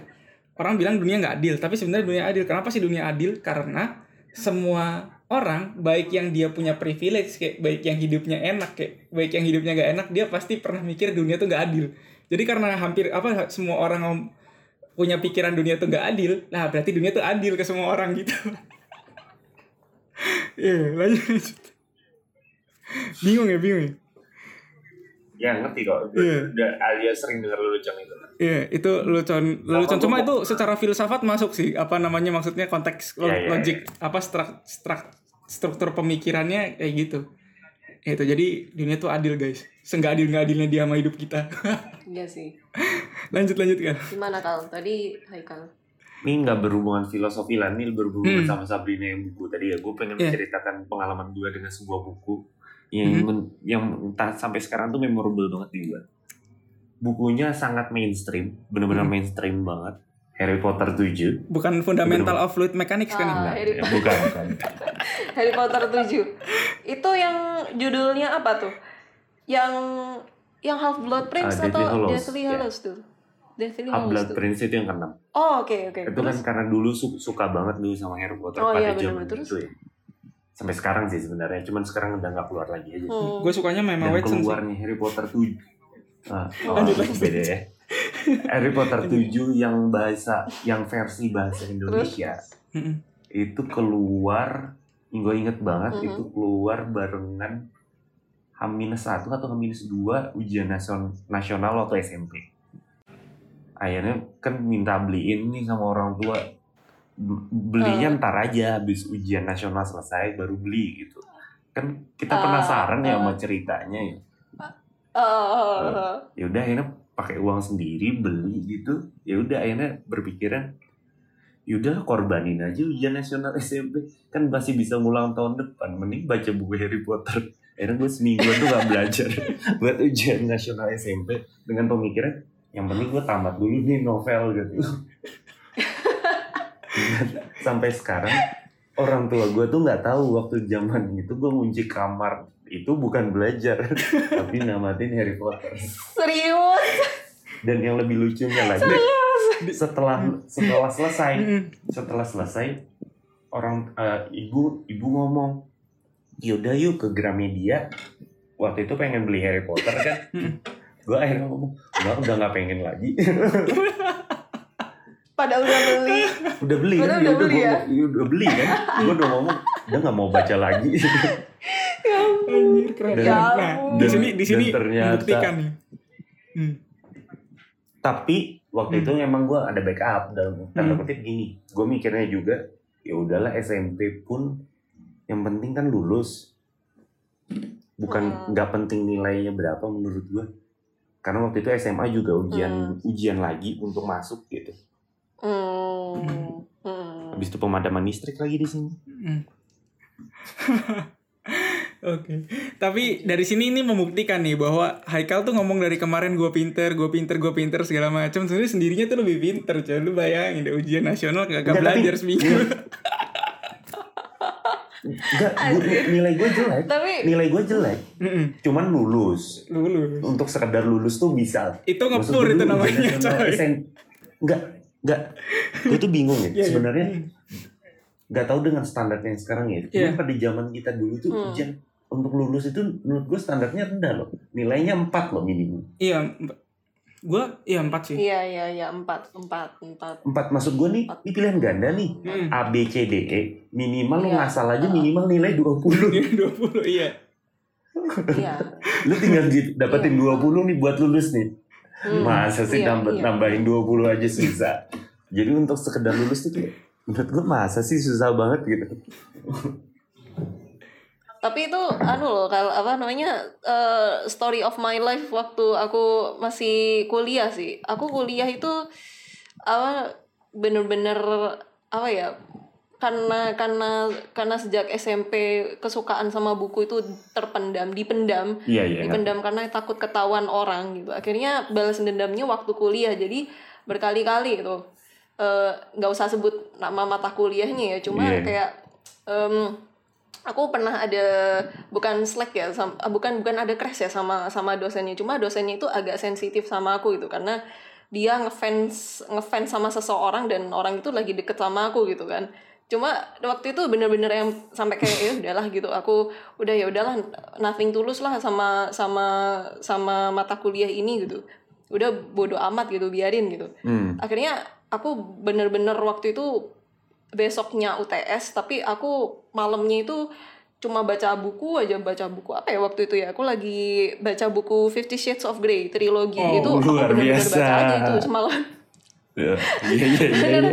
baca aja itu udah Iya. bodoh amat itu Genrenya Sabrina udah lebar ya, bodo Bang? Genrenya lebar. itu gue gue punya itu juga sih. Ya udah ntar aja sih. Gue punya jokes juga sih. Eh lanjut aja lanjut. Lanjut, Sam. itu, itu aku aku berkali aku berkali-kali sih kayak gitu aku berkali-kali kayak gitu tapi sejak nah itu eh, tapi karena gini sih aku juga didukungnya itu karena aku berteman sama Cube tuh. Dia kan suka buku juga kan. Aku bersahabat sama dia dan dia suka buku jadi seringlah tukar-tukaran buku kayak saling meracuni buku satu sama lain gitu. Nah tapi waktu aku mau eh, sidang TA itu dia bener-bener wanti-wanti aku supaya sidang eh, seminar TA sama sidang TA itu bener-bener dia mewanti-wanti aku untuk kayak kamu nggak usah baca buku lagi. Untuk beneran sebulan ini aja kamu tolong nggak usah baca buku tolonglah gitu. Kamu harus bener-bener belajar. Aku bener-bener nurut waktu itu karena aku udah nggak tahan lagi di kampus gitu kan. Iya. tapi ya udah gitu. Tapi tapi selam semasa kuliah itu berkali-kali lah aku kayak besoknya UAS gitu. Paling cuma baca-baca baca-baca buku kuliah bolak-balik bolak-balik. Itu taruh habis itu udah baca buku yang lainnya lagi. Dan itu kayaknya uang jajan aku banyak terserap habis untuk beli buku sih daripada aku kayak bener-bener menghabiskan di hal-hal yang lainnya gitu ya gitu aja sih Hmm. aku paham gitu kalau misalkan Haikal kayak gitu aku paham sih beneran karena karena ya itu yang aku alami Iya. selama ini jadi ma- jadi gimana tadi mas mas Peter tadi mau Oh jokes. Leluconnya apa, Pet? Jokesnya. Ah gini jadi Jokes. aku mulai dari aku mulai dari ininya dulu ya. Jadi biar biar nggak salah nangkep. Jadi kan ilmuwan itu su- sampai ke di kalau di science ya yang hard science ini eh apa namanya orang kan biasa ngomong ah lu teori doang gitu kan. Nah teori itu sebenarnya kalau di science Iya, itu udah kasta paling tinggi tuh. Jadi kan lu awal dengan namanya kalau ilmuwan tuh thought, ex, thought eksperimen tuh. Thought eksperimen tuh Nih. lu melakukan eksperimen tapi dengan pikiran lu sendiri gitu kayak misalkan mungkin Einstein lagi tuh ngebayangin gimana ya kalau gua mengendarai cahaya Ya, terus gua ngaca. Ha-ha. terus dia mengimajinasikan itu terus dia menuangkannya dalam bentuk eh, Iya. apa namanya log eh, Iya, heeh. apa ya, metode ilmiah tapi cuma dalam otaknya doang. Sampai keluarlah nanti keluarlah suatu hipotesis atau nanti postulat. Habis itu postulat atau hipotesis itu kalau sudah teruji ya kan secara eksperimen dibuktikan benar nah itu dia jadi, jadi teori tuh. Jadi teorinya udah kasta tertinggi tuh nah Hmm. eh apa namanya kan gue suka thought, thought eksperimen juga ya. Gue tuh sebenarnya lebih lebih seneng ke sa- ke science sih daripada ke engineering. Gue suka, suka thought eksperimen doang ya. Kalau kayak gini gimana ya? Nah di Fifty Shades of Grey itu gue pernah mikir nih sama adek gue mikir ya gimana ya? Astagfirullah. mikir sama adek gue kita punya punya thought eksperimen gini. Kan misal nih misal. Ini bukan berarti gue nggak percaya Eh, kita misalkan eh, kalau di apa namanya di sains itu kita semuanya harus ada pengujiannya kan. Karena ini nggak ada pengujiannya dan belum ada sesuatu yang bisa membuktikan jadi kita masih eh, berangan-angan lah. Secara sains berangan-angan tapi secara iman mungkin enggak gitu. Nah eh, masalah surga dan neraka nih. Habis itu kita mikir ya kalau orang masokis dan dia itu jahat dia tuh masuk surga apa masuk neraka ya? Kayak gitu kan orang masokis kan suka disiksa tuh kayak apa si Fifty Shades of Grey Iya, gitu kan. iya. orang masokis kan suka disiksa ya. Iya. kalau di neraka disiksa dia seneng dong. Harusnya dia dihukumnya ke surga dong gitu. Tat eksperimen doang sih. Itu lu, lu Iya, lucu iya. banget. Tapi- nggak nggak apa nggak habis habis akhirnya ngak- ngakak-ngakak Iya, sendiri juga. Iya ya lucu juga ya. Berarti neraka Berbaik. itu Ah. ada neraka itu bisa jadi suatu hadiah untuk orang-orang yang senang disiksa di sisi menurut dan surga itu nggak semuanya bahagia loh. ternyata di surga itu bisa menjadi siksaan untuk orang-orang yang sen- seneng disiksa dikasih nggak disiksa gitu. Jadi dia ter- tersiksa. Iya, kok, iya, kok nggak ada yang ngecutin aku ya gitu? Tapi eh, aku juga ada ini sih Hmm. pemikiran. Aku dulu juga sempet seneng banget sih sama novel Fifty Shades of Grey Hmm. itu trilogi itu. Bukan se- sebenarnya bukan karena bag- bagian mantap-mantapnya ya. Itu Hmm. kayak apa namanya itu kayak ya udah bumbu bumbu novelnya aja Hmm. sih. Tapi eh gimana ya?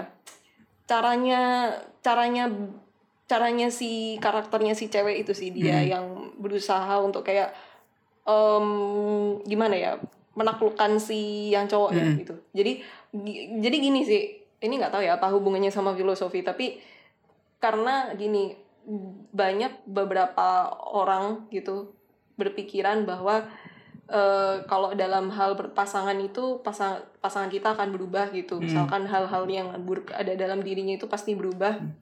Ketika udah kayak ketika udah sayang banget udah jatuh cinta banget sama kita gitu kan. Padahal kan nggak seperti itu gitu. Misalkan orang mau berubah itu harus dia sendiri yang mau memulai untuk berubah dan itu nggak akan mudah gitu kan. Tapi ya mungkin karena generasi zaman sekarang itu teracuni dengan drakor yang kayak oh orangnya awalnya dingin akhirnya berubah jadi yang romantis atau gimana gitu ya.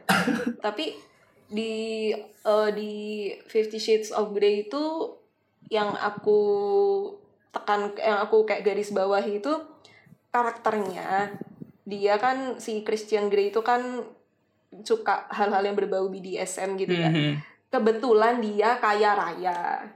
Kebetulan dia orang yang sukses. Dan kebetulan dia cakep nggak karu-karuan gitu. Hmm. misalkan ini agak ini agak menyerang secara subjektif ya mungkin ya. Mungkin kayak menyerang ke orangnya gitu ya. Dan ini bakal kayak sensitif banget. Misalkan dia berkebalikan dari hal-hal seperti itu. Jadi kayak misalkan dia tidak kaya misalkan misalkan dia tidak cakep gitu. Apakah apakah ini bakal jadi kayak novel yang apakah ini bakal jadi cerita yang menyenangkan gitu maksudnya kayak eh bukannya ini bakal jadi kayak menjurus kayak ke sexual harassment gitu Ah, oh iya ngerti. benar Ngerti benar nggak sih? Ah, benar-benar. Iya. apakah ini karena kebetulan aja dia kaya kebetulan aja dia cool orangnya karakternya kebetulan aja dia cakep gitu misalkan dia ke- berkebalikan dari hal-hal seperti itu gitu Benar. apakah itu tidak menjurus ke sexual harassment gitu? Karena ada satu karakter juga yang di dalam novel itu yang juga naksir sama yang si cewek gitu. Dan eh apa namanya dan kelihatannya itu penulisnya itu mengarah penulisnya itu kayak menceritakan bahwa si karakter ini tuh jadi si karakter ini yang suka sama si cewek ini sebenarnya sahabatnya si cewek sendiri. Dan itu si penulisnya itu kayak menjurus menjurus bahwa si sahabatnya ini melakukan sexual harassment ke si cewek gitu. Padahal tidak dia cuma kalau menurut aku ya dia menyatakan afeksinya dia menyampaikan affectionnya sama seperti Christian Grey menyampaikan affectionnya ke eh, ke si cewek gitu. Caranya sama caranya sama. Mereka mereka sama-sama mau ngekiss si si si cewek ini si Anastasia ini. Hmm. tapi kayaknya ya itu sih. Eh itu sih yang menurut aku apa ya caranya eh, apa ya mem- membuat aku kayak berpikir gitu sih. Kalau misalkan karakternya seperti ini apakah udah dimasukkan ke karakternya tidak seperti ini Mhm. tidak seperti yang digambarkan? Apakah ini udah termasuk sexual sexual harassment? Aku sih mikirnya kayak gitu ya. Karena ya begitulah aku aku orangnya aku orangnya menurutku cerita-cerita kayak gitu menarik karena ya itu aku suka suka membayangkan hal-hal yang oposit gitu kalau berkebalikan dari ceritanya seperti kayak gimana ya kayak gitu sih Enggak, tapi aku setuju sama Sabrina. Hmm. Jadi gini, eh nggak semua ya, nggak benar nggak semua, nggak semua novel, film atau game pun yang eh, story-nya itu eh, sangat duniawi banget. Rata-rata kan karena ya sangat jauh dari realita lah. Dalam tanda kutip ya Hmm. udah emang akan jauh lebih menarik dia kaya dan tampan daripada dalam tanda kutip miskin dan jelek ya. Eh, eh, maksudnya dia men- Betul. ya emang menawarkan sudut pandang yang seperti itu. Nah makanya Hmm. eh, aku pengen share salah ya udahlah kalian juga nggak main game juga jadi Hmm. di spoiler juga nggak ada masalah ya. Hmm. nggak apa-apa Eh, jadi ada judul yang baru keluar kemarin itu bulan apa Juni atau Juli itu ba- benar-benar baru banget judulnya itu The Last of Us. Ini yang part 2 yang part satunya udah 2013 udah lama banget. Nah orang semua apa itu The Last of judulnya Us judulnya apa The Last of Us oh Iya. part 2 yang Nah, sekarang, yang udah yang Terus? kedua. Nah. oh Oke, semua orang fansnya protes. Kenapa karakter per- Ah, iya. karakter utamanya dimatikan dengan sadis dan dalam tanda kutip nggak terhormat lah. Bener, Oh. bener-bener di chapter awal loh. Baru chap, jadi ini pahlawannya yang di seri 1 nih. Hmm. Tiba-tiba yang di kedua ini di chapter awalnya baru-baru udah mati. Dengan mengenaskan kakinya ditembak, habis itu kepalanya disiksa, dipukul pakai stick golf. Oke. Fansnya, fansnya sorry yang cewek ini yang cewek ini yang yang mati? Cowok-cowok. oh yang cowok oke Nah, oke. Terus? Fans fansnya nih pad, fansnya pada fansnya pada Protes. banyak yang protes lah.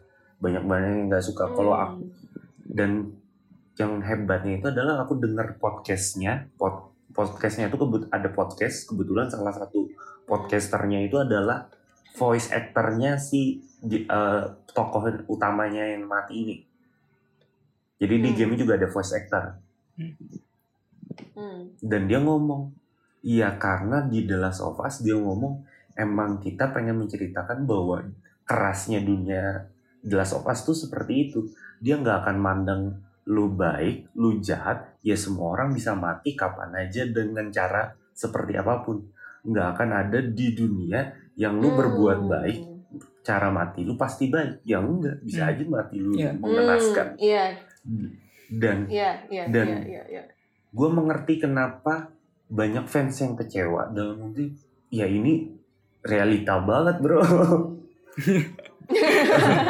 bener-bener Iya, iya, dunia iya, tuh iya. kayak gini loh Oh. habis itu Hmm. tiba-tiba nih orang pengen Iya. gue pengen have fun ini gitu gue pengen melihat sesuatu yang berbeda Malah dikasih realita. selama Iya, ini tiba-tiba dikasih realita gitu iya uh, iya iya pada Iya, ngasih iya, nilai iya. satu sama betul. dua betul. Betul Dan- betul betul. Eh, orang-orang butuh kayak sih. escape from reality gitu nggak sih? Iya, kalau iya, kayak gitu itu kan ya. Hmm, paham paham paham. Itu Tapi kalau itu aku- sama kayak ah. di Hah? kalau aku termasuk yang Gimana? menghargai maksudnya menghargainya si pembuatnya ini eh, aku menghargainya gini. Dia berani ngambil risiko Ah, itu aja sih. Kan akhirnya jadi kebagi dua kubu ada yang kubu yang suka banget sama yang nggak suka banget nggak suka banget Iya. Nah, gitu Oh. Pastilah itu. Pasti ada langsung ada ininya. Ada kubunya tuh kalau kayak gitu tuh udah. tapi bener-bener kontras tapi banget itu anu sih tapi itu eh, anu sih apa namanya kalau itu di game ya Hmm. gitu apa namanya kayak bener-bener yang kok bisa kayak gini sih kayak seharusnya eh, kayak satu karakter doesn't deserve kayak gitu gitu kan kayak suatu hal yang kejam seperti itu ya Mm-mm. cuma ini aku baru kap aku eh, jadi ada film nih dulu tahun berapa ya judulnya itu Divergent pemainnya itu Divergent. Oh, iya, iya, tahu, tahu. Iya. ya Iya. Divergent itu kan diambil dari novel ya Eh, aku buat- udah aku baca novelnya sama. itu sebelum sebelum film itu muncul atau sudah ya aku lupa pokoknya aku langsung nyelesain satu dua tiga gitu. Divergent terus keduanya Insurgent apa ya? aku lupa. Terus terakhirnya ya oh, apa? Insurgent lupa ya? aku. Insurgent ya Insurgent terus habis itu Allegiant kan. Nah di aku aku keselnya itu di yang ketiga itu di novelnya itu karakter utama yang cewek itu mati.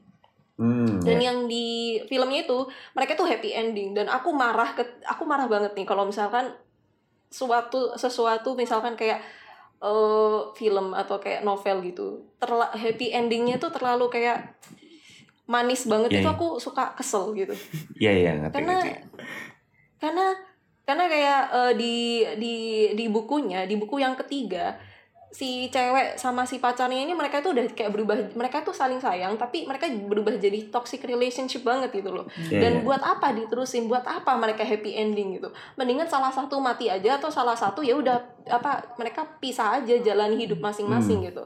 Dan ketika aku udah baca seles- selesai baca novelnya ternyata si cewek mati aku merasa kayak ya she deserves she deserves it. Menurut aku kayak gitu. Dia Hmm. layak mendapatkan seperti itu gitu. Karena kalau misalkan dua-duanya masih sama hidup masih sama-sama hidup mereka pasti kayak masih pengen balikan tapi akhirnya ujung-ujungnya jadi racun sama satu sama lain gitu. Iya, iya. itu kayak menurut aku kayak itu itu kehidupan di kehidupan nyata banget itu menurut aku. Ah. kayak banyak Iya, orang benar. yang seperti itu sebenarnya. Dan di filmnya ternyata lah kok yang cewek tetap hidup nih? Lah kok mereka kayak kok happy ending banget nih? Aku sampai kayak kok kayak gini sih kok kayak gini sih? Ih aku kesel sih sebenarnya waktu itu Iya, iya, Terus- iya, nangkep. eh terus eh, ini di ada juga film eh, judulnya itu The Perks of Being Wallflower, a Wallflower. Emma itu Watson. dia ya oh itu iya, iya, iya. ya Emma Watson. Itu Ya, itu gua nonton. novelnya itu bagus banget. Tapi itu novel lama banget itu kan? itu Iya. itu novel ba- lama banget dan filmnya itu disutradari sama si penulisnya juga gitu. Heeh.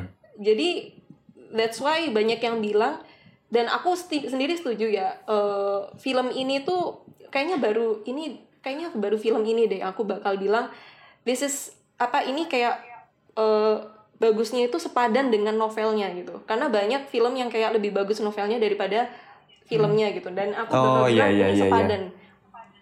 Sepadan gitu. Karena meskipun ujung-ujungnya dia happy ending gitu ya kayak mereka akhirnya ketemu lagi apa si si cowok ketemu lagi sama sama pacarnya sama teman-temannya kayak mereka akhirnya seneng gitu kan.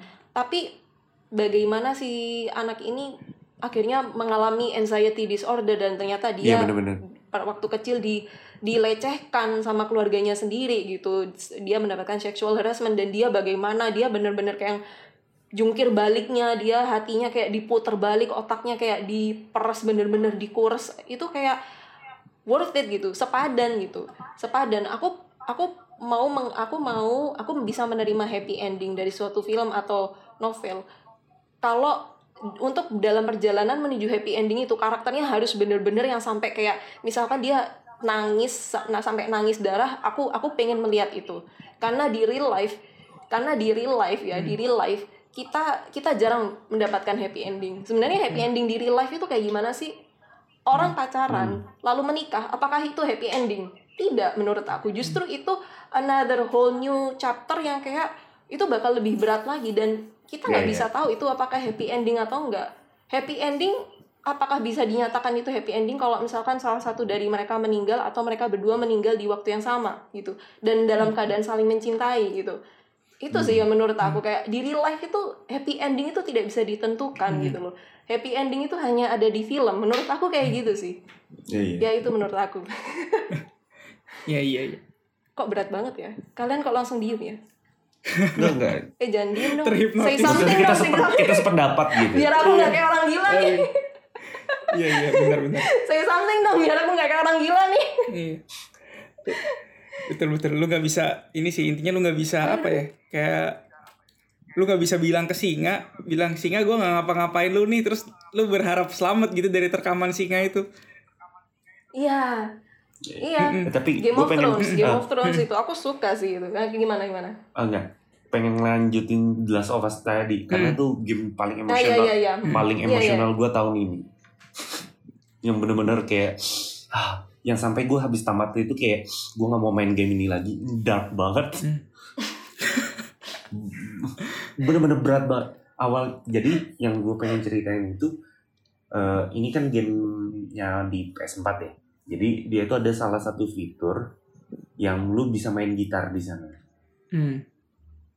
Ah. jadi di controllernya controllernya PS4 kalau ada yang pernah lihat Mm-mm. itu ada pads-nya jadi lu bisa kayak gesek gitu loh Iya. dia nggak tombol jadi lu bener-bener bisa matik gitar gitu Hmm. awalnya gue ngira itu gimmick oh ya udahlah ya keren sih ditambahin bumbu-bumbu kecil-kecil gini ya Hmm. Eh terakhir gue merinding. Tau nggak kenapa? Kenapa? jadi pada Kenapa? jadi ini sebenarnya dia cerita balas dendam. Hmm. gue balas dendam karena si tokoh utama yang pertama tadi itu mati. Jadi waktu gue proses balas dendam ujung-ujungnya akhirnya gue memaafkan orang yang bunuh itu dengan suatu alasan lah. Dan ujungnya adalah jari jari gue patah. Putus. Oke. Oh, dan terus? scene terakhir Hmm. adalah dia mainin gitar si yang cowok mati itu Mm-mm. dan lu coba mainin suaranya nggak masuk dong. Uh itu dia mainin gitar jelek banget, mm, nyiksa orang yang dengerin. Mm-mm. Tapi gue merinding. Merindingnya tuh kenapa?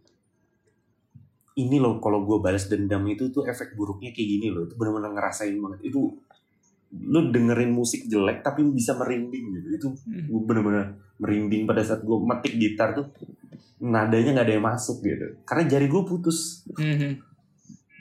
oh itu merinding sih awalnya gue ngira fitur gitar itu gimmick ternyata di ujung gue ngomong oh no, gitar ini unsur yang penting banget Itu keren sih itu. Itu- Itu, keren sih itu. itu, Itu, keren itu. merinding banget bener-bener Itu keren merinding itu.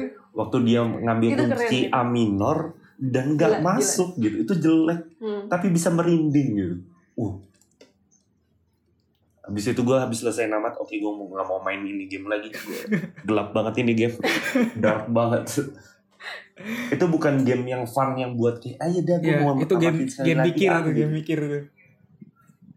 Hmm. Enggak, Gila keren Nggak, banget sih itu. kalau kalau mikir sih enggak, Pet. Hmm. Maksudnya bukan cerita yang kompleks untuk dipahamin lah. Mm-mm. Cuman emosional banget. Itulah. Tadi Sabrina mau ngomong Itu apa? kayaknya dark banget sih. Kenapa Sab? Itu kayaknya dark banget ya game ini. Aku aku lagi buka websitenya nih dan aku kayaknya pernah lihat beberapa aku kayaknya pernah nge-reply story kamu deh kalau apa tentang Iya, game iya, ini iya, dan aku iya. langsung kayak browsing kan. Aku terus kayak tertarik pingin pingin main kan cuma kayak belum nemu waktu itu cuma waktu itu aku udah mikir kayaknya ini game bikin aku kayak stres anu Iya. deh stres tujuh hari tujuh malam deh kayaknya menguras emosi banget deh kayak rasa emosi banget. bisa Bener-bener men-trigger sesuatu Iya. Dark banget itu game. Iya. Itu dark Maksudnya- banget ya kayaknya ya Dia pengen benar-benar menceritain iya. bahwa itu kan sebenarnya dia ceritain dunia yang yang kayak sekarang oh, ya dunia yang udah nggak hampir nggak selamat lah. Mm-mm. iya iya sebenarnya iya. tuh ceritanya klasik awal mulanya. Ada virus, orang kayak jadi zombie. Cuman dia Ah. benar-benar bisa menceritakan bahwa dunia setelah itu tuh benar-benar nggak menyenangkan. Maksudnya ini bukan cerita tentang ada satu orang yang jadi superhero gitu. Yang Hmm. kalau ditembakin nggak mati-mati gitu. Hmm. Hmm. Dia pengen ngangkat Itu kalau di Hmm, ya, luar ya emosional banget sih. Tapi ya itu kalau lihat reviewnya apalagi Ya, dari user kontras banget. itu reviewnya Nggak- nggak semuanya bintang orang 5 suka. sama bintang 1 tuh tengah-tengahnya. Iya. The Last of Us review bener-bener Itu- jauh banget. Beneran kalau waktu lu belajar statistik diajarin ngitung rata-rata, nah ini yang paling ekstrim nih, paling pojok kanan sama pojok Ya, kiri. Terus dapat tengah-tengahnya. Iya iya benar benar benar itu menurut aku apa ya sama kayak di itu sih kalau di series itu Game of Thrones ya Hmm. Game Iya. of Thrones itu ada yang suka endingnya ada yang tidak suka endingnya gitu tapi aku aku suka aku suka endingnya ketika anu sih eh, si penulisnya itu tidak nanggung-nanggung ketika mau mau membunuh karakter dan aku suka kalau penulis macam kayak gitu.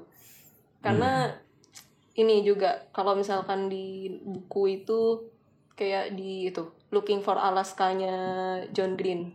Belum pernah baca. Itu Oh. salah John satu buku Green, favorit aku sih karena aku aku aku belum baca sih itu. Karena ini sih ya itu sih nggak tahu ya. Tapi dalam mungkin kayak dalam hidup itu ya ini sih salah satunya filosofi hidup aku ya kayak kayak nggak usah lah ngarep ngarep ngarep happy ending gitu. Kalau bagi aku sih kayak gitu ya karena happy ending itu cuma ada kayak di buku sama series sama film gitu. Karena happy ending itu tergantung perspektif kita aja sih perspektif kita sendiri kita sendiri bagaimana caranya melihat suatu suatu kehidupan seseorang itu apakah happy ending atau enggak gitu. Ya, ya. karena kalau misalkan kayak di buku itu sih Looking for Alaska-nya John Green itu itu beneran baru nyampe tengah buku itu eh, si karakter utamanya itu mati. Dan aku aku suka banget sama karakter itu. Dan itu karakternya mati itu rasanya kayak langsung kosong langsung kayak kosong gitu. Dan aku suka akan rasa kekosongan itu. Karena itulah sebenarnya yang banyak orang hal alami dalam hidup gitu sebenarnya aku juga apa itu ya menurut aku tuh harusnya dibanyak-banyakin gitu loh. Kayak eh kayak film atau games atau series atau buku yang kayak kita bisa relate gitu. Yup. kayak apa ya karena menurut aku sekarang itu banyak yang kayak eh kayak hiburan-hiburan kayak games atau kayak film atau series buku itu yang akhirnya kayak membuat kita escape from reality. Maksudnya kayak kita eh kita kayak terlalu dibuai dengan apa ya kayak eh, sesuatu yang happy ending gitu. Padahal kita itu orang itu harus kayak di orang itu harus dijejali sesuatu yang bisa mereka relate dan kayak bisa kayak berpikir gimana ya oke iya ya emang nggak apa-apa hidup hidup agak semburat kayak gini tuh nggak apa-apa gitu. Hidup tidak hidup tidak tidak sesuai dengan ekspektasi itu tidak apa-apa gitu. Karena sebenarnya eh, orang mendapatkan filosofi untuk hidup itu dari situ sebenarnya. Mereka bisa merelate mereka bisa kayak mereka bisa kayak em, berpikir bahwa iya sih nggak apa-apa sih kalau kayak gini tuh. Nggak apa-apa misalkan kita kayak eh, tidak mendapatkan sesuatu gitu atau kita kayak merasa tidak tahu tentang sesuatu gitu itu nggak apa-apa sih gitu. Kayak gitu sih. Ya ini kayak apa namanya ya kayak dalam buku atau kayak dalam film gitu mereka terlalu banyak happy ending menurut aku itu udah kayak biasa banget dan aku kayak bakal bilang film itu biasa karena film itu happy ending gitu aku sih mikirnya kayak gitu ya Iya iya. iya. Tapi film-film yang berat ki, maksudnya um, ya kita lebih ngomong ke film lah, karena mungkin orang yang lebih familiar film ya. Eh, Hmm. Judul-judul yang ceritanya berat emang bukan buat Bukan buat- pasar yang cukup mainstream sih. Sometimes- Contoh, contoh, Hmm. contoh lah ngomong film-film yang menang Oscar ma- mana itu bukan film-film yang disukain orang, Orang. banyak loh. Mm. Kayak Whiplash gitu. Gue nonton itu iya, stres. Whiplash. atau ah tiba-tiba Whiplash Birdman, Birdman, gitu. iya, siapa yang Birdman. suka nonton siapa siapa yang suka nonton Birdman coba Iya. gue nonton itu aja stres Gua Wah, stres. ini film berat banget Gue stres itu tuh. bukan bu emang gue tiba-tiba bener-bener kayak mendalamin gitu Iya. Wih, ini ya perasaan gue kalau jadi mantan aktor superhero gitu. Iya benar. bener-bener terbayang-bayang gitu. Iya. Dan film-film Oscar rata-rata kayak gitu loh. Bukan film yang buat menyenangkan untuk semua pasar ya. Iya. Dia iya iya gue iya. nonton film-film Oscar ya gitu ya Birdman, Whiplash tuh gue gue tuh suka film itu Whiplash hmm. gue suka film itu satu action yang ada actionnya. Maksudnya action bukan action yang berantem berantem ya. Pokoknya yang banyak actionnya. Terus gue suka itu dari sinematografi atau apanya gitu. Begitu nonton film yang kayak gitu yang menurut gue ini kayak kayak buku atau drama teater gitu. Gue kayak agak terganggu gitu sih. Terus habis itu materinya berat banget kan. Kayak gue pengen nonton film tuh yang agak ringan gitu ya. Wah tapi ini kayak berat banget Iya, aja iya. ini gue kayak kuliah. Mau pecah tapi tapi gue tuh selalu ngomong ke sama teman gue yang sukanya banget sama action banget ya Hmm. mungkin lihat film yang kayak gitu nggak menarik ya tapi gue nggak pernah ngeluarin statement gini yang susah adalah gimana caranya lu bisa menyebabkan konflik tanpa fisik Hmm, hmm. sebagai seorang sutradara Yep. kalau misalnya nih kita Ah, berantem sama iya, iya, misalnya iya. nih ah, aku berantem sama Peter gitu pukul-pukulan ya Iya. emang Hmm. Konfliknya benar-benar kelihatan. Cuman untuk men- Iya. menampilkan konflik yang kita nggak kelihatan secara visual dan bagus itu emang sesuatu yang susah sih. Ya susah. Gimana caranya lu mukul orang tapi lu nggak mukul orangnya tapi orangnya kerasa sakit gitu. Intinya Iya. gitu. Iya, tapi iya, iya. tapi Hmm, tetap gue juga suka masih suka film komedi kok. Oke. Oke kayak kita kadang emang butuh sesuatu yang fun gitu. Iya. Oke, ini kayaknya kita udah panjang banget nih. Perlu kita tutup sepertinya karena sudah hampir berganti hari juga sih. Nah, jadi Iya, sebenarnya udah ke mana-mana nih ya kita udah ke mana-mana padahal Gila. ini gue gue bisa tarik satu benang merah sih sebenarnya. Jadi kan tadi kita awal kan belajar belajar tentang filosofi kan filsafat tuh kayak gimana dari secara Filosofi. sains terus dari filsafat Hmm. eh, berubah ke ilmu pengetahuan gimana sampai kita bawa ke ranah diskusi nih diskusi itu yang baik kayak gini cara bernalar yang baik tuh kayak gini logika tuh kayak gini gitu kan. Sampai akhirnya kita eh, bahas kesukaan kita masing-masing yang sebenarnya tuh kalian juga lagi berfilsafat gitu. Ada reason di belakangnya kenapa sih kayak gini kenapa kayak gitu. Jadi kalau orang ngomong belajar filsafat Iya. itu tadi eh, nanti lu jadi terlalu logis dan tidak percaya Tuhan tuh ya nggak juga terlalu gue nggak tahu sih istilah terlalu logis tuh apa tapi ya nggak ada sih yang terlalu logis ya logis aja gitu. Nah tapi yang Iya. tadi Ah. bilang nggak percaya Tuhan tuh udah terbantah ya nggak ada ya gitu. Dan banyak tadi filsuf-filsuf yang berdebat masalah Tuhan tuh mereka percaya Tuhan juga gitu. Nah yang terakhir ini sebenarnya ada ada insightnya sih dari dari yang tarik benang ini. Sebenarnya kalau lu belajar filsafat lu bisa masuk dunia bisnis juga lo sebenarnya. Dari mana sih lu masuk dunia bisnis? Kayak tadi lu jadi tahu gimana cara orang tuh berpikir sehingga lu tahu nih cara marketing ini gimana lu jadi tahu cara orang berpikir. Tadi misalkan lu di bisnis kreatif bikin film gitu ya. Lu tahu nih niche market lu yang mana sih? Oh pasar gua gua mau tembak ini nih dan pasti ada pasarnya. Pasar gua harus gua tembak yang ini dan ada pasarnya. Cara marketinginnya kayak gini. Gitu juga tadi di dunia game di buku gitu. Kan it- it's all about business ya. Lu nggak mungkin ya lu mungkin sih bikin Yeah. buku tapi nggak dijual. Cuma misalkan lu bikin buku yang ada penerbitnya penerbitnya pasti mau duit dong gitu kan. Nah dia tuh ada pasarnya dan itu eh, gunanya filsafat tuh di situ. Lu mendalami gimana sih cara lu berpikir dan gimana cara orang lain berpikir sih gitu. Kalau dari gua ya. Jadi kita tuh sebenarnya ada benang merahnya cuma ngelantur ngelantur aja.